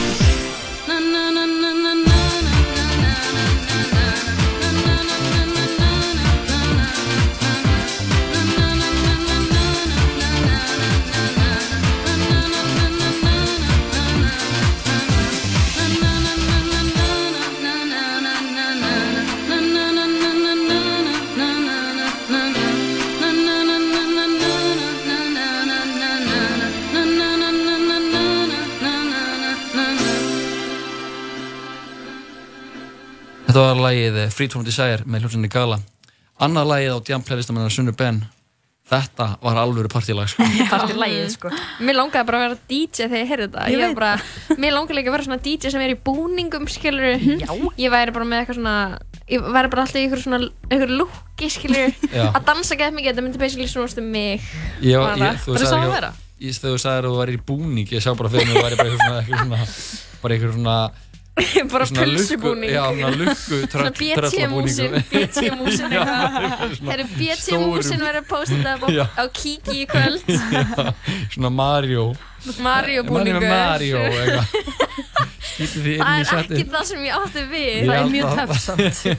Oh my god, ég var að meina skilur bara eitthvað svona gæða eitthvað outfiti skilur. Ég sá fyrir mig svona Elvis búning, það er kannski meira glamurous. ég var að hugsa um Elvis búning. Já, Já, ég með svona svona- tassels á ermunum og Vinkon minn kúka einu svona á sig í Elvis búning. Ekki bara hann Pæli hvað það er erfið búningur til að kúka á sig í basically þrengstu og hvítustu. Herru, það er komið að loka lægin á Jam-playlistanum. Oh. Ég er með geggja valgja. Uh, ég er svona átt að koma með þrjúlega og koma út með tíu. Ég er bara svolítið þannig. Ég er vun að geta skipta eins hraðar á milli. Einmitt. Sko ég ætlaði að setja á næst lag sem að mig grunar hafi ekki verið spilað hér aður Mhm. og er með Todrick Hall uh, og er mjög vinsalt að kiki ég var til dæmis að láta hann spilaði tvísvar með svona hálftíma millibilger Já. og það heitir Nails, Hair, Hips, Heels og er held ég attitude hlaðnasta lag sem ég hef heyrt og það er geggjað. Geðveikt. heyrum það og kveðjum Sunni Ben Já. með þessu lægi Góð Takk kærlega fyrir komuna, Sunna og bara happy DJing. Happy partying. Yes, sömulegis endum þetta góðu lag, það er líka að vera að setja præt í kær, þetta er Já, viðandi þetta er mjög viðandi viðandi lag, Algjörlega. Stemningslag. Takk fyrir komuna. Já, takk fyrir mig, bye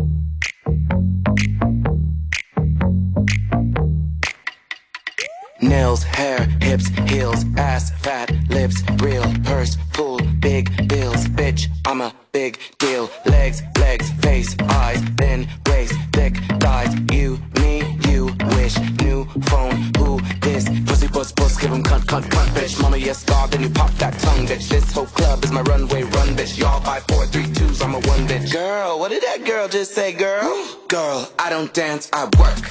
I don't play, I slay. I don't walk, I strut, strut, strut, and then sashay. But I don't work for free. That's not the T, hunty.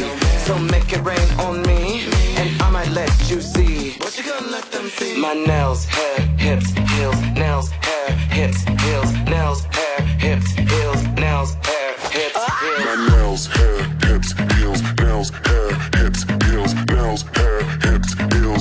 heels, hair, hips, heels. Head, shoulders, knees, toes, don't know these hoes. Face, lips, eyes, nose, camera, click, we pose. Beat, mug, limp, wrist, VIP list. Wave, wave, blow a kiss. I'm that bitch, sis. Left, right, left, right, left with a spin, bitch. Where's my sash and crown? Cause I win, bitch. I'm so fab, I'm gone with the wind, bitch. Y'all six, seven, eight, nines, I'm a ten, bitch. Girl, what did that girl just say, girl? Girl, I don't dance, I work.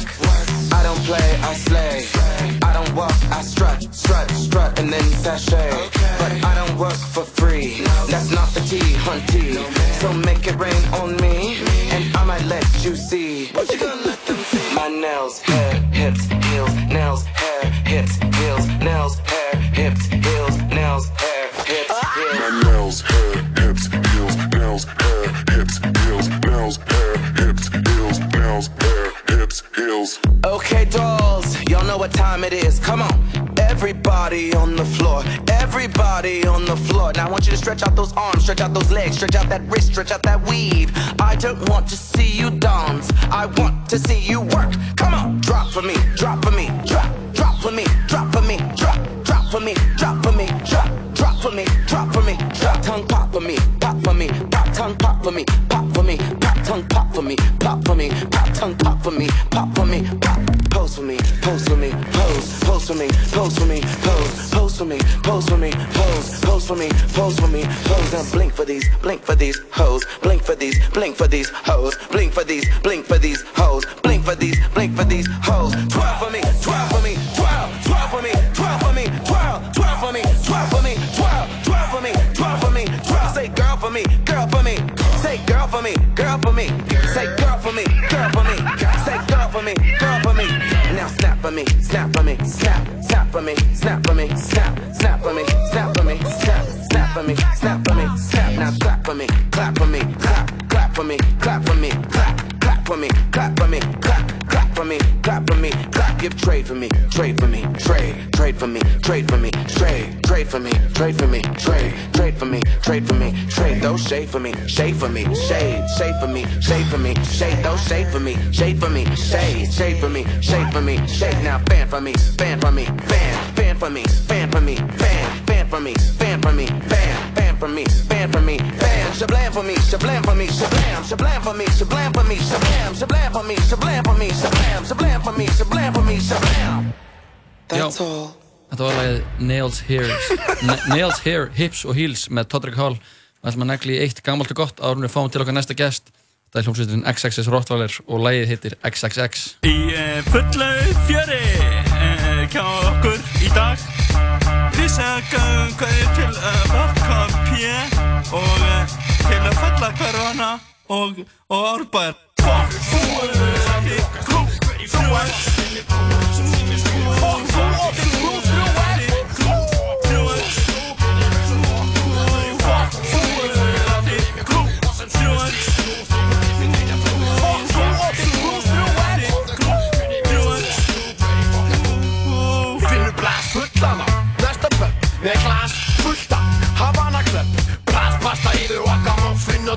yfir okkar og og döp Ég gengd og langt fyrir bíl, stór stuppi, stór snef Þú þekkir minn stíl, vera til í eitt af pottin. Johnny Nass, nei Johnny Rotten. Komin til að ríða á, þú þekkir þennan sem Risti djúft eru þessi lag. Og röng þá og þröng Fuck allt að spil, en ef ég fer á djúft þá verður að segja til.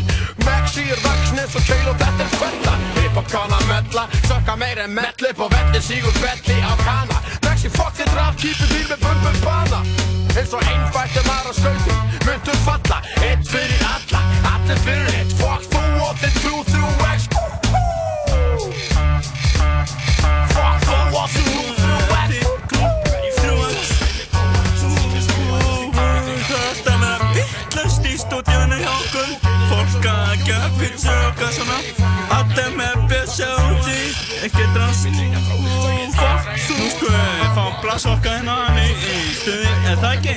Á toppum eins og kvennadild Breiða blix Betri mínu fæ ég lögfræðingur Kí og Briggs Lúpa Biggie. Öskrimækin eins og Onyx En þú ert ekki shit eins og Maxi on Biggs. Eða spraut og ekki fix Fyrir með textin ekki lyrics. Og fel það ekki eins og Diddy Felix. Eins og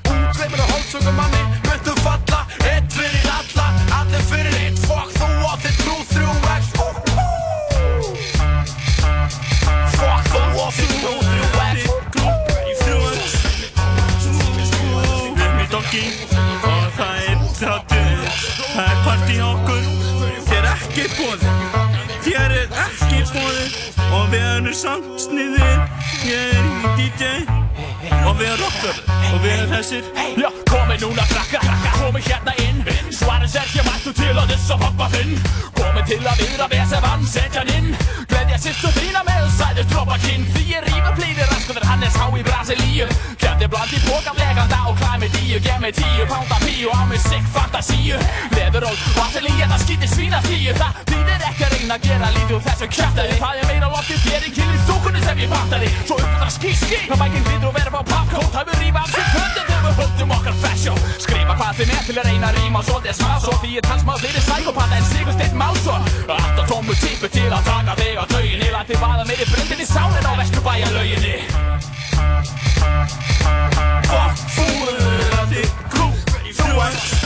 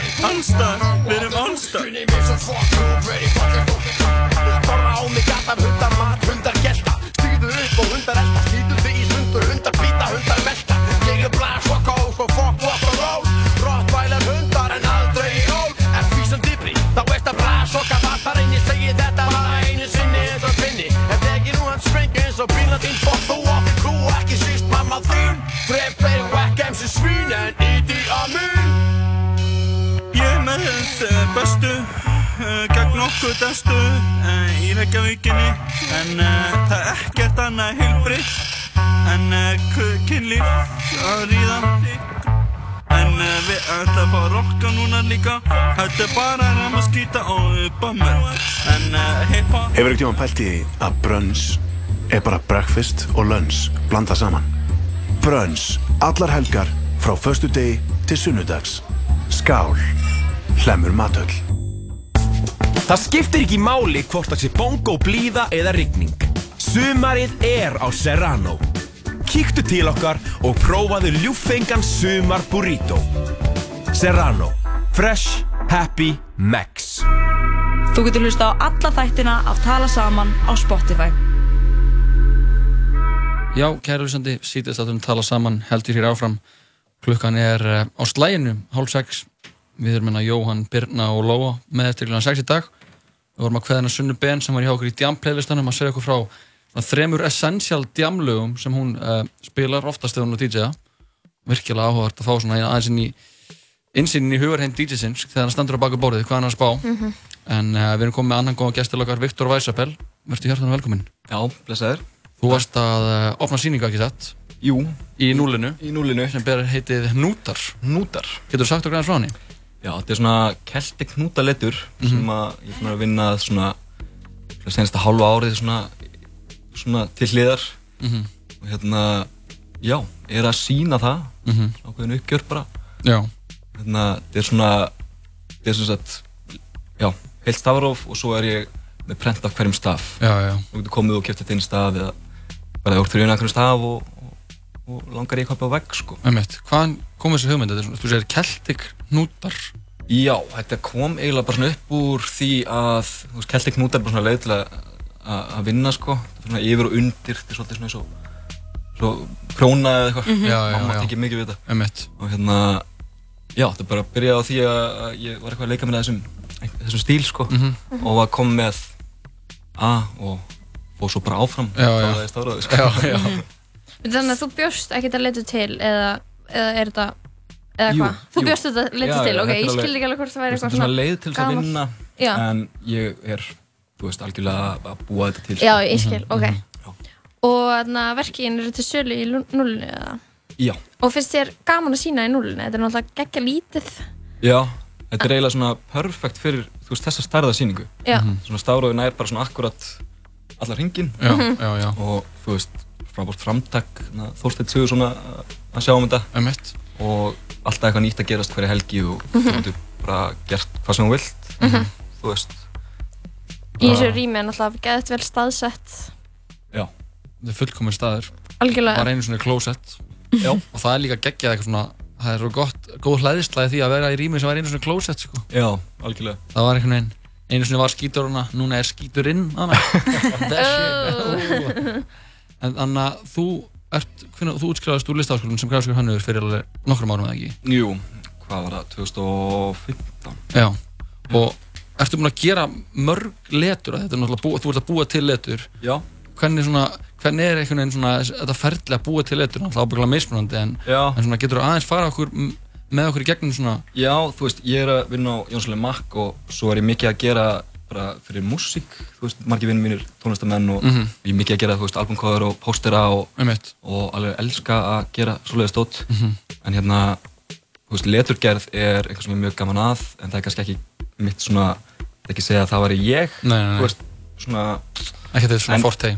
Ekki mitt forte en ég er ógslag gaman að því og, og, og spá mikið í letri Mhm. en jú, ég hef gert einhver letur sko en hérna, þetta er meira svona að hugsa hvert staf bara sem mynd er þú Mhm. getur keift í rauninni bara eitt Mhm. staf þannig að Einmitt. þetta, þetta er til dæmis svona ómikið myndskreiting til þess að virka sem eitthvað readable letur Já, já, þú getur að skrifa Mhm. bók bara úr Já, hnúta letur. það er frekar flókið sko þannig að þannig að þetta er meiri svona myndskreiting og, Mhm. og teikning sem Mhm. að sem að hérna, ég fýlar svo vel Já, og er þetta prent eða er þetta te- þú teknar þetta eða prentar þetta? Já, þú veist, ég teikndi í tölvunni og svo er þetta prent sem þú kaupir Já, nákvæmlega, nákvæmlega Já. Áttu þér upp á allt staf Upp á staf mm. í þessu Ég held- kelta, kelta hnúta Já, þú veist, maður er svona að byggja á bara þessum hefðbundur stöðum þannig að sko, ég held ég myndi segja S Mhm. Hann er S. eiginlega mest trikki, sko, en hann er fallegur Mhm. Já, þetta er, þetta er, það er mikilvægt að, e, svona, ég get alveg trúa að þetta sé svona, þessi svona núansar milli stafana, alltaf eins og L, það er bara frekar, eða I, það er bara frekar einfalt kannski að gera það. Já, já. Þessi, já.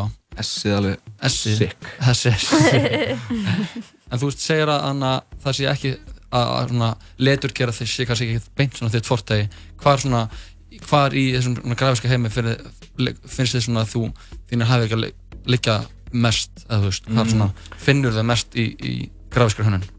Sko, ég held ég sé svona með styrkleika að vera bara smá kamiljón, þú veist, Mhm. bara hugmyndir ræður og þú veist, ef ég er að hanna fyrir þig þá er það eitthvað allt annað Mhm. og svo er hann fyrir skratta, Mhm. eitthvað allt annað Já, nákvæmlega. það er bara svona að myndheimurinn passi við uh, viðfangsefni Já, já, einmitt Þannig, þú veist, mér finnst það að vera svona aðal markmið hönnunar að hönnurinn geti svolítið svona ekki bara, ég ætla að implementa minni nýjustu nei, pælingu á þetta þegar það er ekki viðjandi Já, já, bara einmitt, hvað með ég gerir svona stó, er hún svona?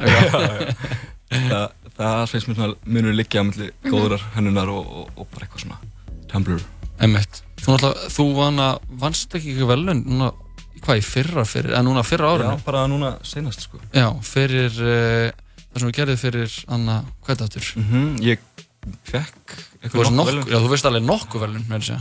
Það var hérna geðhjálp uh, út með það, fekk tvö. Einmitt, ég var að hugsa um það, Mhm. já. Þú varst þannig flottur í, í hérna, í myndatökunni. Já, ég representaði þetta, maður Ah. að vera að geða ykkur á því. Svolítið að kvíða maður. Já.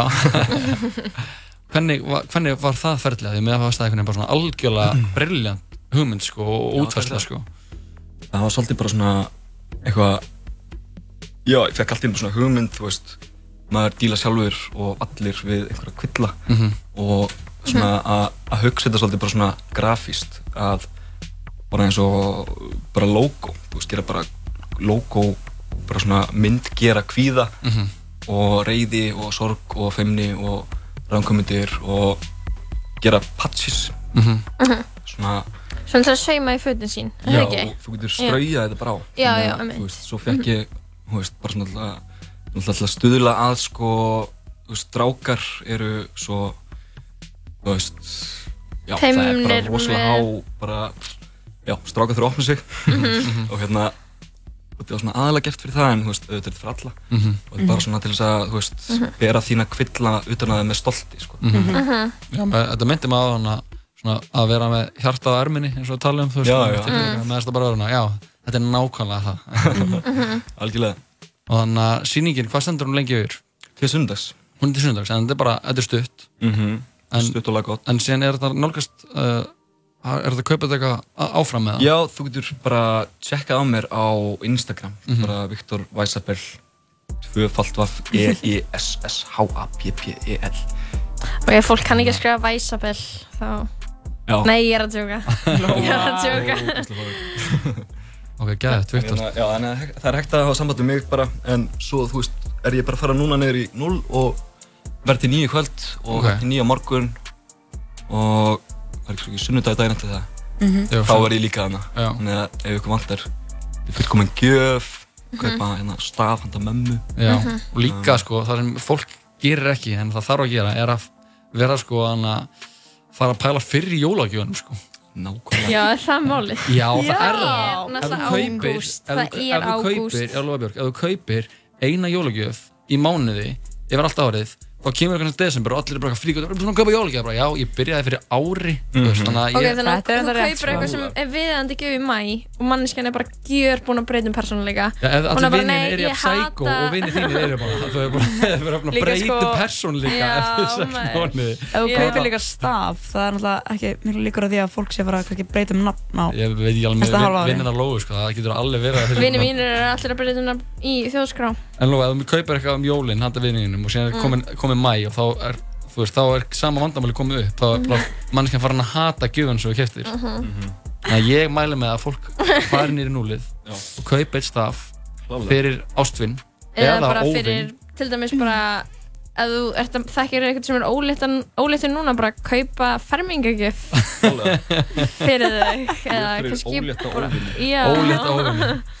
Viktor, takk hjá fyrir komuna. Já, takk sem leiðis. Og uh, mér langar að spila uh, laga flötu sem þú gerir coverið á. Já, hvað er það? Það er uh, plötunni Tengdur Já, með maður. rapparanum Drengur. Nice. Þetta er, uh, ég, held að þetta sé uppáhalds coverið mitt sem ég sé, uh, sé eftir þig. Yes, Drengur Og- áhrifin. Drengur áhrifin, sko.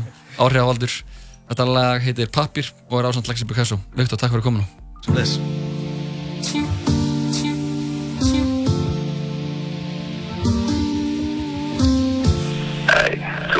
Veist að pappirinn er það sem að skipta máli Þá til að við skeinum okkur með fucking tíu skona bláðan selum, boy, boy, boy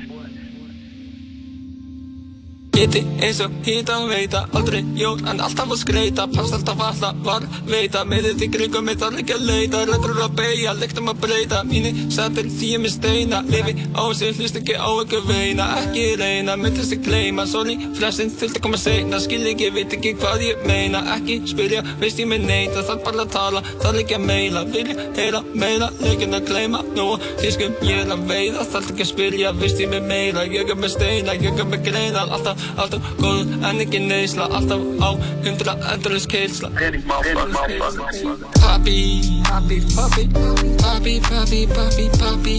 Papi, papi, papi. Selum, boy Papi, Papi, papi, papi, papi, papi Papi, papi. Ég er að vinna því, fylg sem ég tapa Vildi stund að geta spóla tilbaka. Reyndi ekki að pæla, kuna matata Komin af toppin, kongu, Mufasa Skipi, laður upp, ráða Skynsami þess að Natalia fara Kann ekki að spara, satt en að stapla. Og mikið að gera er að kapna Kúturinn er græða, get ekki kvarta. Ganga í gennum, alltaf þessu kabla. Allt sjálfur, ekkert elsku mamma. Taka, baka, flaka, kenna þessu krakka Alltaf, alltaf góðu, kallar það safna Karma, papi Papi, papi, papi, papi, papi, papi, papi, papi, papi, Tíu skonum blóða selum boy papi, papi, papi, papi, papi, papi, papi, papi, papi, papi, stefnandi, aflætti, papi, alltaf að því. Papi, papi, stefnandi, aflætti, papi, alltaf að því. Kalla mig papi, stættarnir búið að kaupa papír, vanta papír, papír, papír, papír. Shit, þetta er leik sem maður, shit maður, þú voru að stakka hann að pappi maður blámið maður, ei, ekki löggan þetta fuck blámið maður, motherfucker, stakka hann að pappi sem motherfucker bibliobæku bitch, motherfucker, ei, ekki læna neitt nema pening, motherfucker, ef þú átt ekki neitt þá farið og græta helling, motherfucker, því að peningar og kettlingar eitthvað sem ég hellinga, bitch, stakka að pappi er ekki neitt maður, deyði og Fylgist með okkur á Twitter og Instagram at 101 Live Radio. Barnaherbergi á öllum stöðum. Pesto, avocado, mozzarella, mm, kannski jalapeno líka. Caliente! Joe and the Juice, kaffi, juice og svo miklu meira. Látum bílakaupin smella. Ergo býður fjölbreytta möguleika í bílafjármögnun. Kynntuður kostina á ergo.is. Við fjármögnum það sem upp á vantar. Ergo.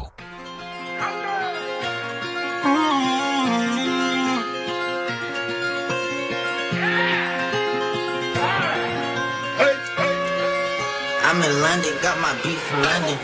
Ice style, no stylish, no Chanel, Saint Laurent, Gucci bag, huh? Lifestyle, no stylish, Louis Vuitton, Jimmy Choo, that's on you, huh? Diamonds on my neck, frozen tears, hopping out the jet, leers, bad bitches getting wet, here, yes, don't call me till the checks clear.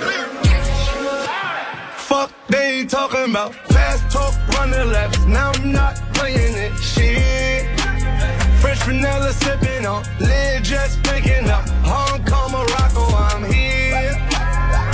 No stylish. Now I ain't playing with these bitches. They childish. Yeah. Look around, they quiet. She said I ain't got no heart, bitch. Find it. I style. No stylish, no Chanel, Saint Laurent, Gucci bag, huh? Lifestyle, no stylish, Louis Vuitton, Jimmy Choo, that's on you? Diamonds on my neck, frozen tears, hopping out the jet, leers, bad bitches getting wet, here, yes, don't call me till the checks clear. I got the game in a squeeze. Who disagree? I wanna see one of y'all run up a beat. Yeah, two open seats, we flying in seven and pat for the beach. Yeah, keeping it G. I told her don't win no 350s round me. I style, no stylish. No Chanel, Nike track, doing roll with some waps, and that's capo in the back, and that's roll in the back. Don't need Gucci on my back, TV Gucci got my back. Don't know where y'all niggas at. I been here, I been back, in the lala, word to sack. I need action, that's a fact. I style, no stylish, no Chanel, Saint Laurent, Gucci bag, huh? Lifestyle, no Vuitton, Jimmy Choo, that's on you, huh? Diamonds on my neck, frozen tears, hopping out the jet, leers, bad bitches getting wet, here, yeah, don't call me till the checks clear. I style. No stylish, no Chanel, Saint Laurent, Gucci bag, huh?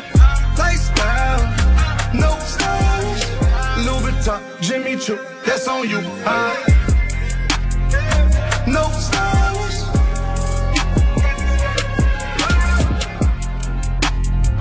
No stylish. Jú, no stylist, saði maðurinn Franz Montana og Drake þegar klukkan er kortir í sex sem er nú að síða, líða á síðar hluta þáttarins. Við erum hérna í sítið að tala saman á útvarhutur einn. Jóhann Kristófer, Birna Marja og uh, Lóa, Lóa Björg. Lóa Björg Lóa Pind. Já, maður. Lóa Pind Ég er svona aðal í tala saman í dag. Ég er svona Þú ert- besta. Þú ert- Já, ég er svona besta sem að er Ok. skemmt, skemmtilegust Já, þú og ég er svona skemmtilegust. lukk, lukkudýr tala saman í dag. Einmitt, þú ert rosa skemmtilega og mjög gaman að vera með þér og um, í besta skapinu Mhm. og sætust. Einmitt Og sætust og best. Já, þetta, þetta er allt alveg bara hárétt Og mikilvægt að vera með mikið sjálfströst þegar maður fyrir út í helgina.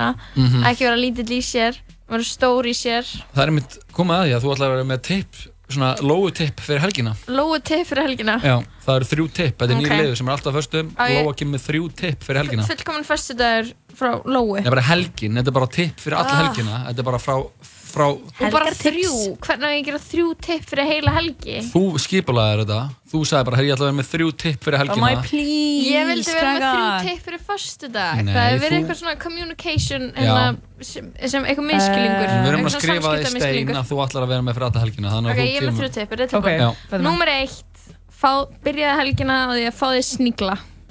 Ok, hvar fara maður að snigla? Vá, Bara þetta er á svo mörgum ótrúlega stöðum. óaðgengilegt Hvað óaðgengilegt meinarðu? tipp. Bara fá þér snigla bara Það borða svona Það borða svona 2% af mannkyninu borða snigla Mm. Ef þú ætlar að- hafa gott um helgina, þá færði þig snigla. Ok. Og ekki vera vegan. með eitthvað stæla. Sniglar eru næstu í vegan.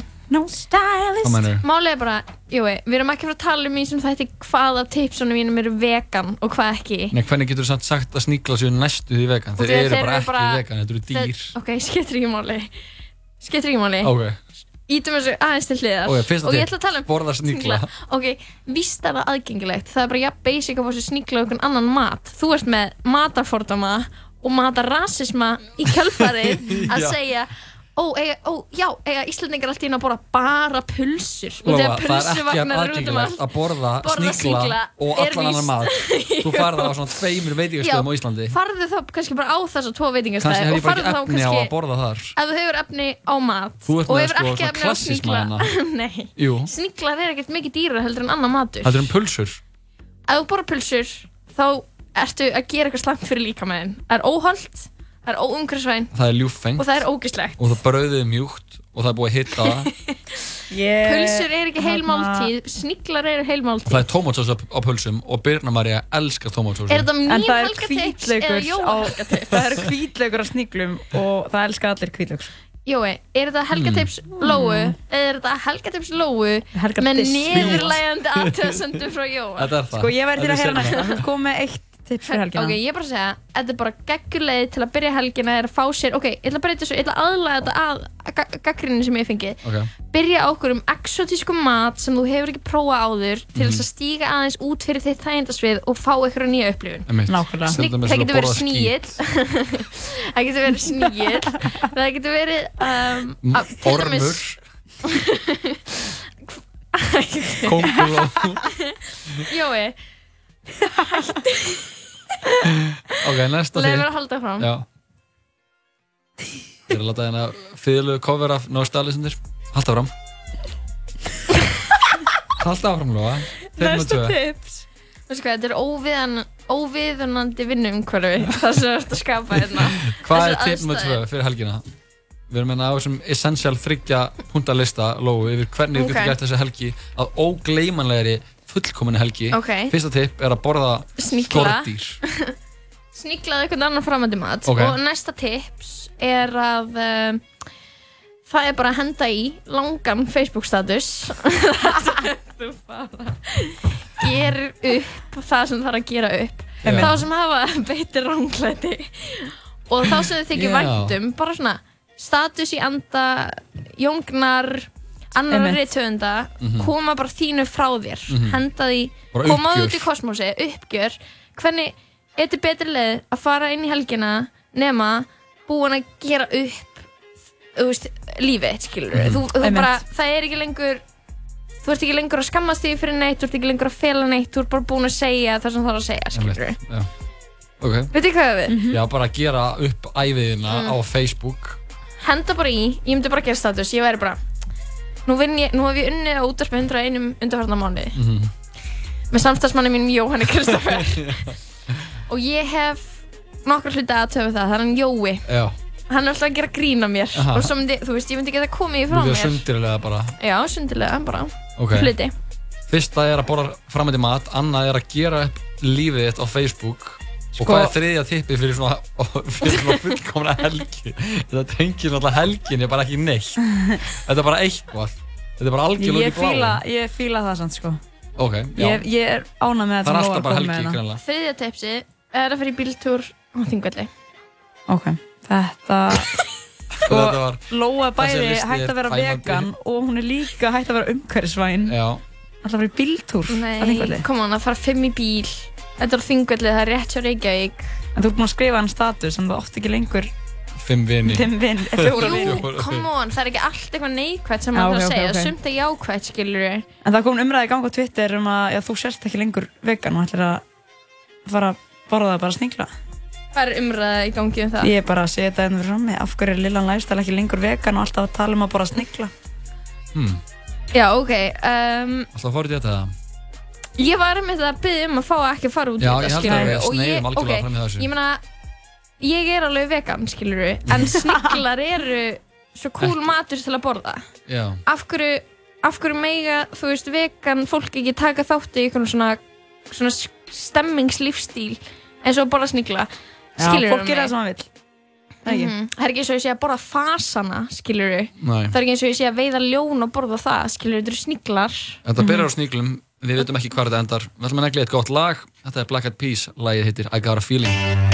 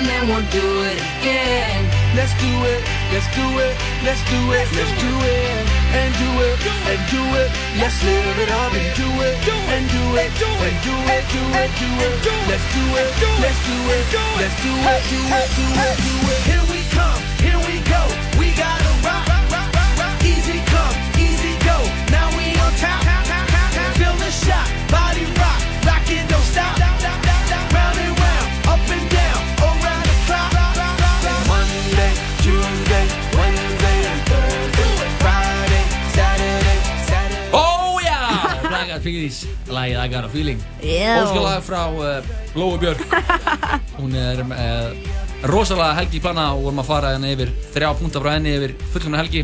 Það var að borða sníkla, keira út á land og uh, gera Facebook status og gera upp lífið þar. En þetta er búin Sorry, þetta er rosalega þáttur ógeðslega góður listi. Já, ég, það ég, var ekki, að- ég var ekki að segja henni um hann sko. Ég var bara að- að að endurtaka hann þannig að fólk Góður geti- matur, góður vinnir og Uppgjör. og uppgjör. Já, þetta er búin að vera rosalega þáttur hjá okkur í dag Hvernig verður þinn listi, Jói? Fari svett, fari svett, fari svett. Uh, Já, einhvern veginn Nei, Já. það var ábygglega bara Drekka rek- vatn. Rækta líkamann Þannig að Óguð Það er svo opið, Já. þú verður að vera specific uh, Já, þá er það, þú veist, að fara í stigavélina í fjóra tíma Mhm. Og Ó, já. uh, fara síðan á uh, anna, Fara síðan í biopartís Horfa á menningarlega mynd Og síðan værið að, að uh, horfa Fyrir líða illa Já, horfa á vegg Út helgina Já, já, en já, þetta er búið að vera mjög góð þáttur okkur í Já, dag spekað þáttur Mikið, Spekaður. Rosa gaman, Mikið sko. fössara þáttur Já Mikið um partí, við erum að tala um partí um helgina Við vorum með jam playlistan, Já. Jössunni Ben Mhm. Við vorum að fara yfir, uh, hvað, hvað gerum við í byrjun? Já, bíómyndina Já, nýju Hjálmsdóttir, bíósérfræðingur Músli, nei, tala saman kom og sagði okkur frá Með Once Upon a Time in Hollywood Já, nýjum hans. Tarantino myndina sem er að Mhm. koma í bíó 14. ágúst og ég var að segja að ég get ekki beðið þar að Ég er spennt að segja Ég þetta get ekki beðið. En krakkar, það er að koma helgi og uh, myndi eftir þessum þætti. Mhm. Við verðum einna aftur á mánudaginn. Hvort við verðum. Og þú ætla kannski bara að fá að slaufa þessum þætti með einu partílegi Ég ætla að slaufa þessu, sko, er þið búin að horfa Euphoria, hættina? Já. Nei. Já, mér langar að slaufa þessum þætti á uh, anna, á læginu úr þessari, þessari góðu serju sem heitir Euphoria, sem, eins og ég var að segja sem var að klárast á HBO Þetta er uh, rapparinn, eða tónlistamæðurinn, Breski, Labyrinth, ásamt Zendaya sem leikur aðalhuturki í þáttunum. Já. Lægið heitir All For Us, við þakkum fyrir okkur í dag. Já. Verðum við aftur á mándaginn Takk fyrir mig. Takk fyrir mig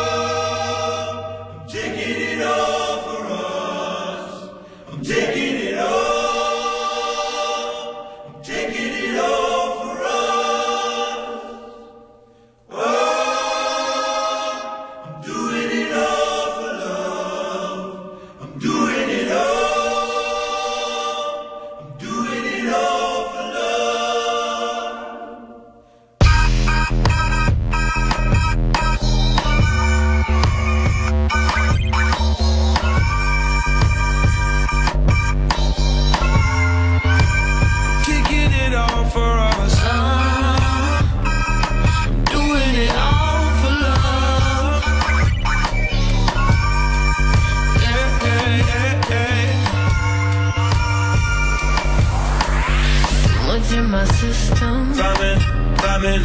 Money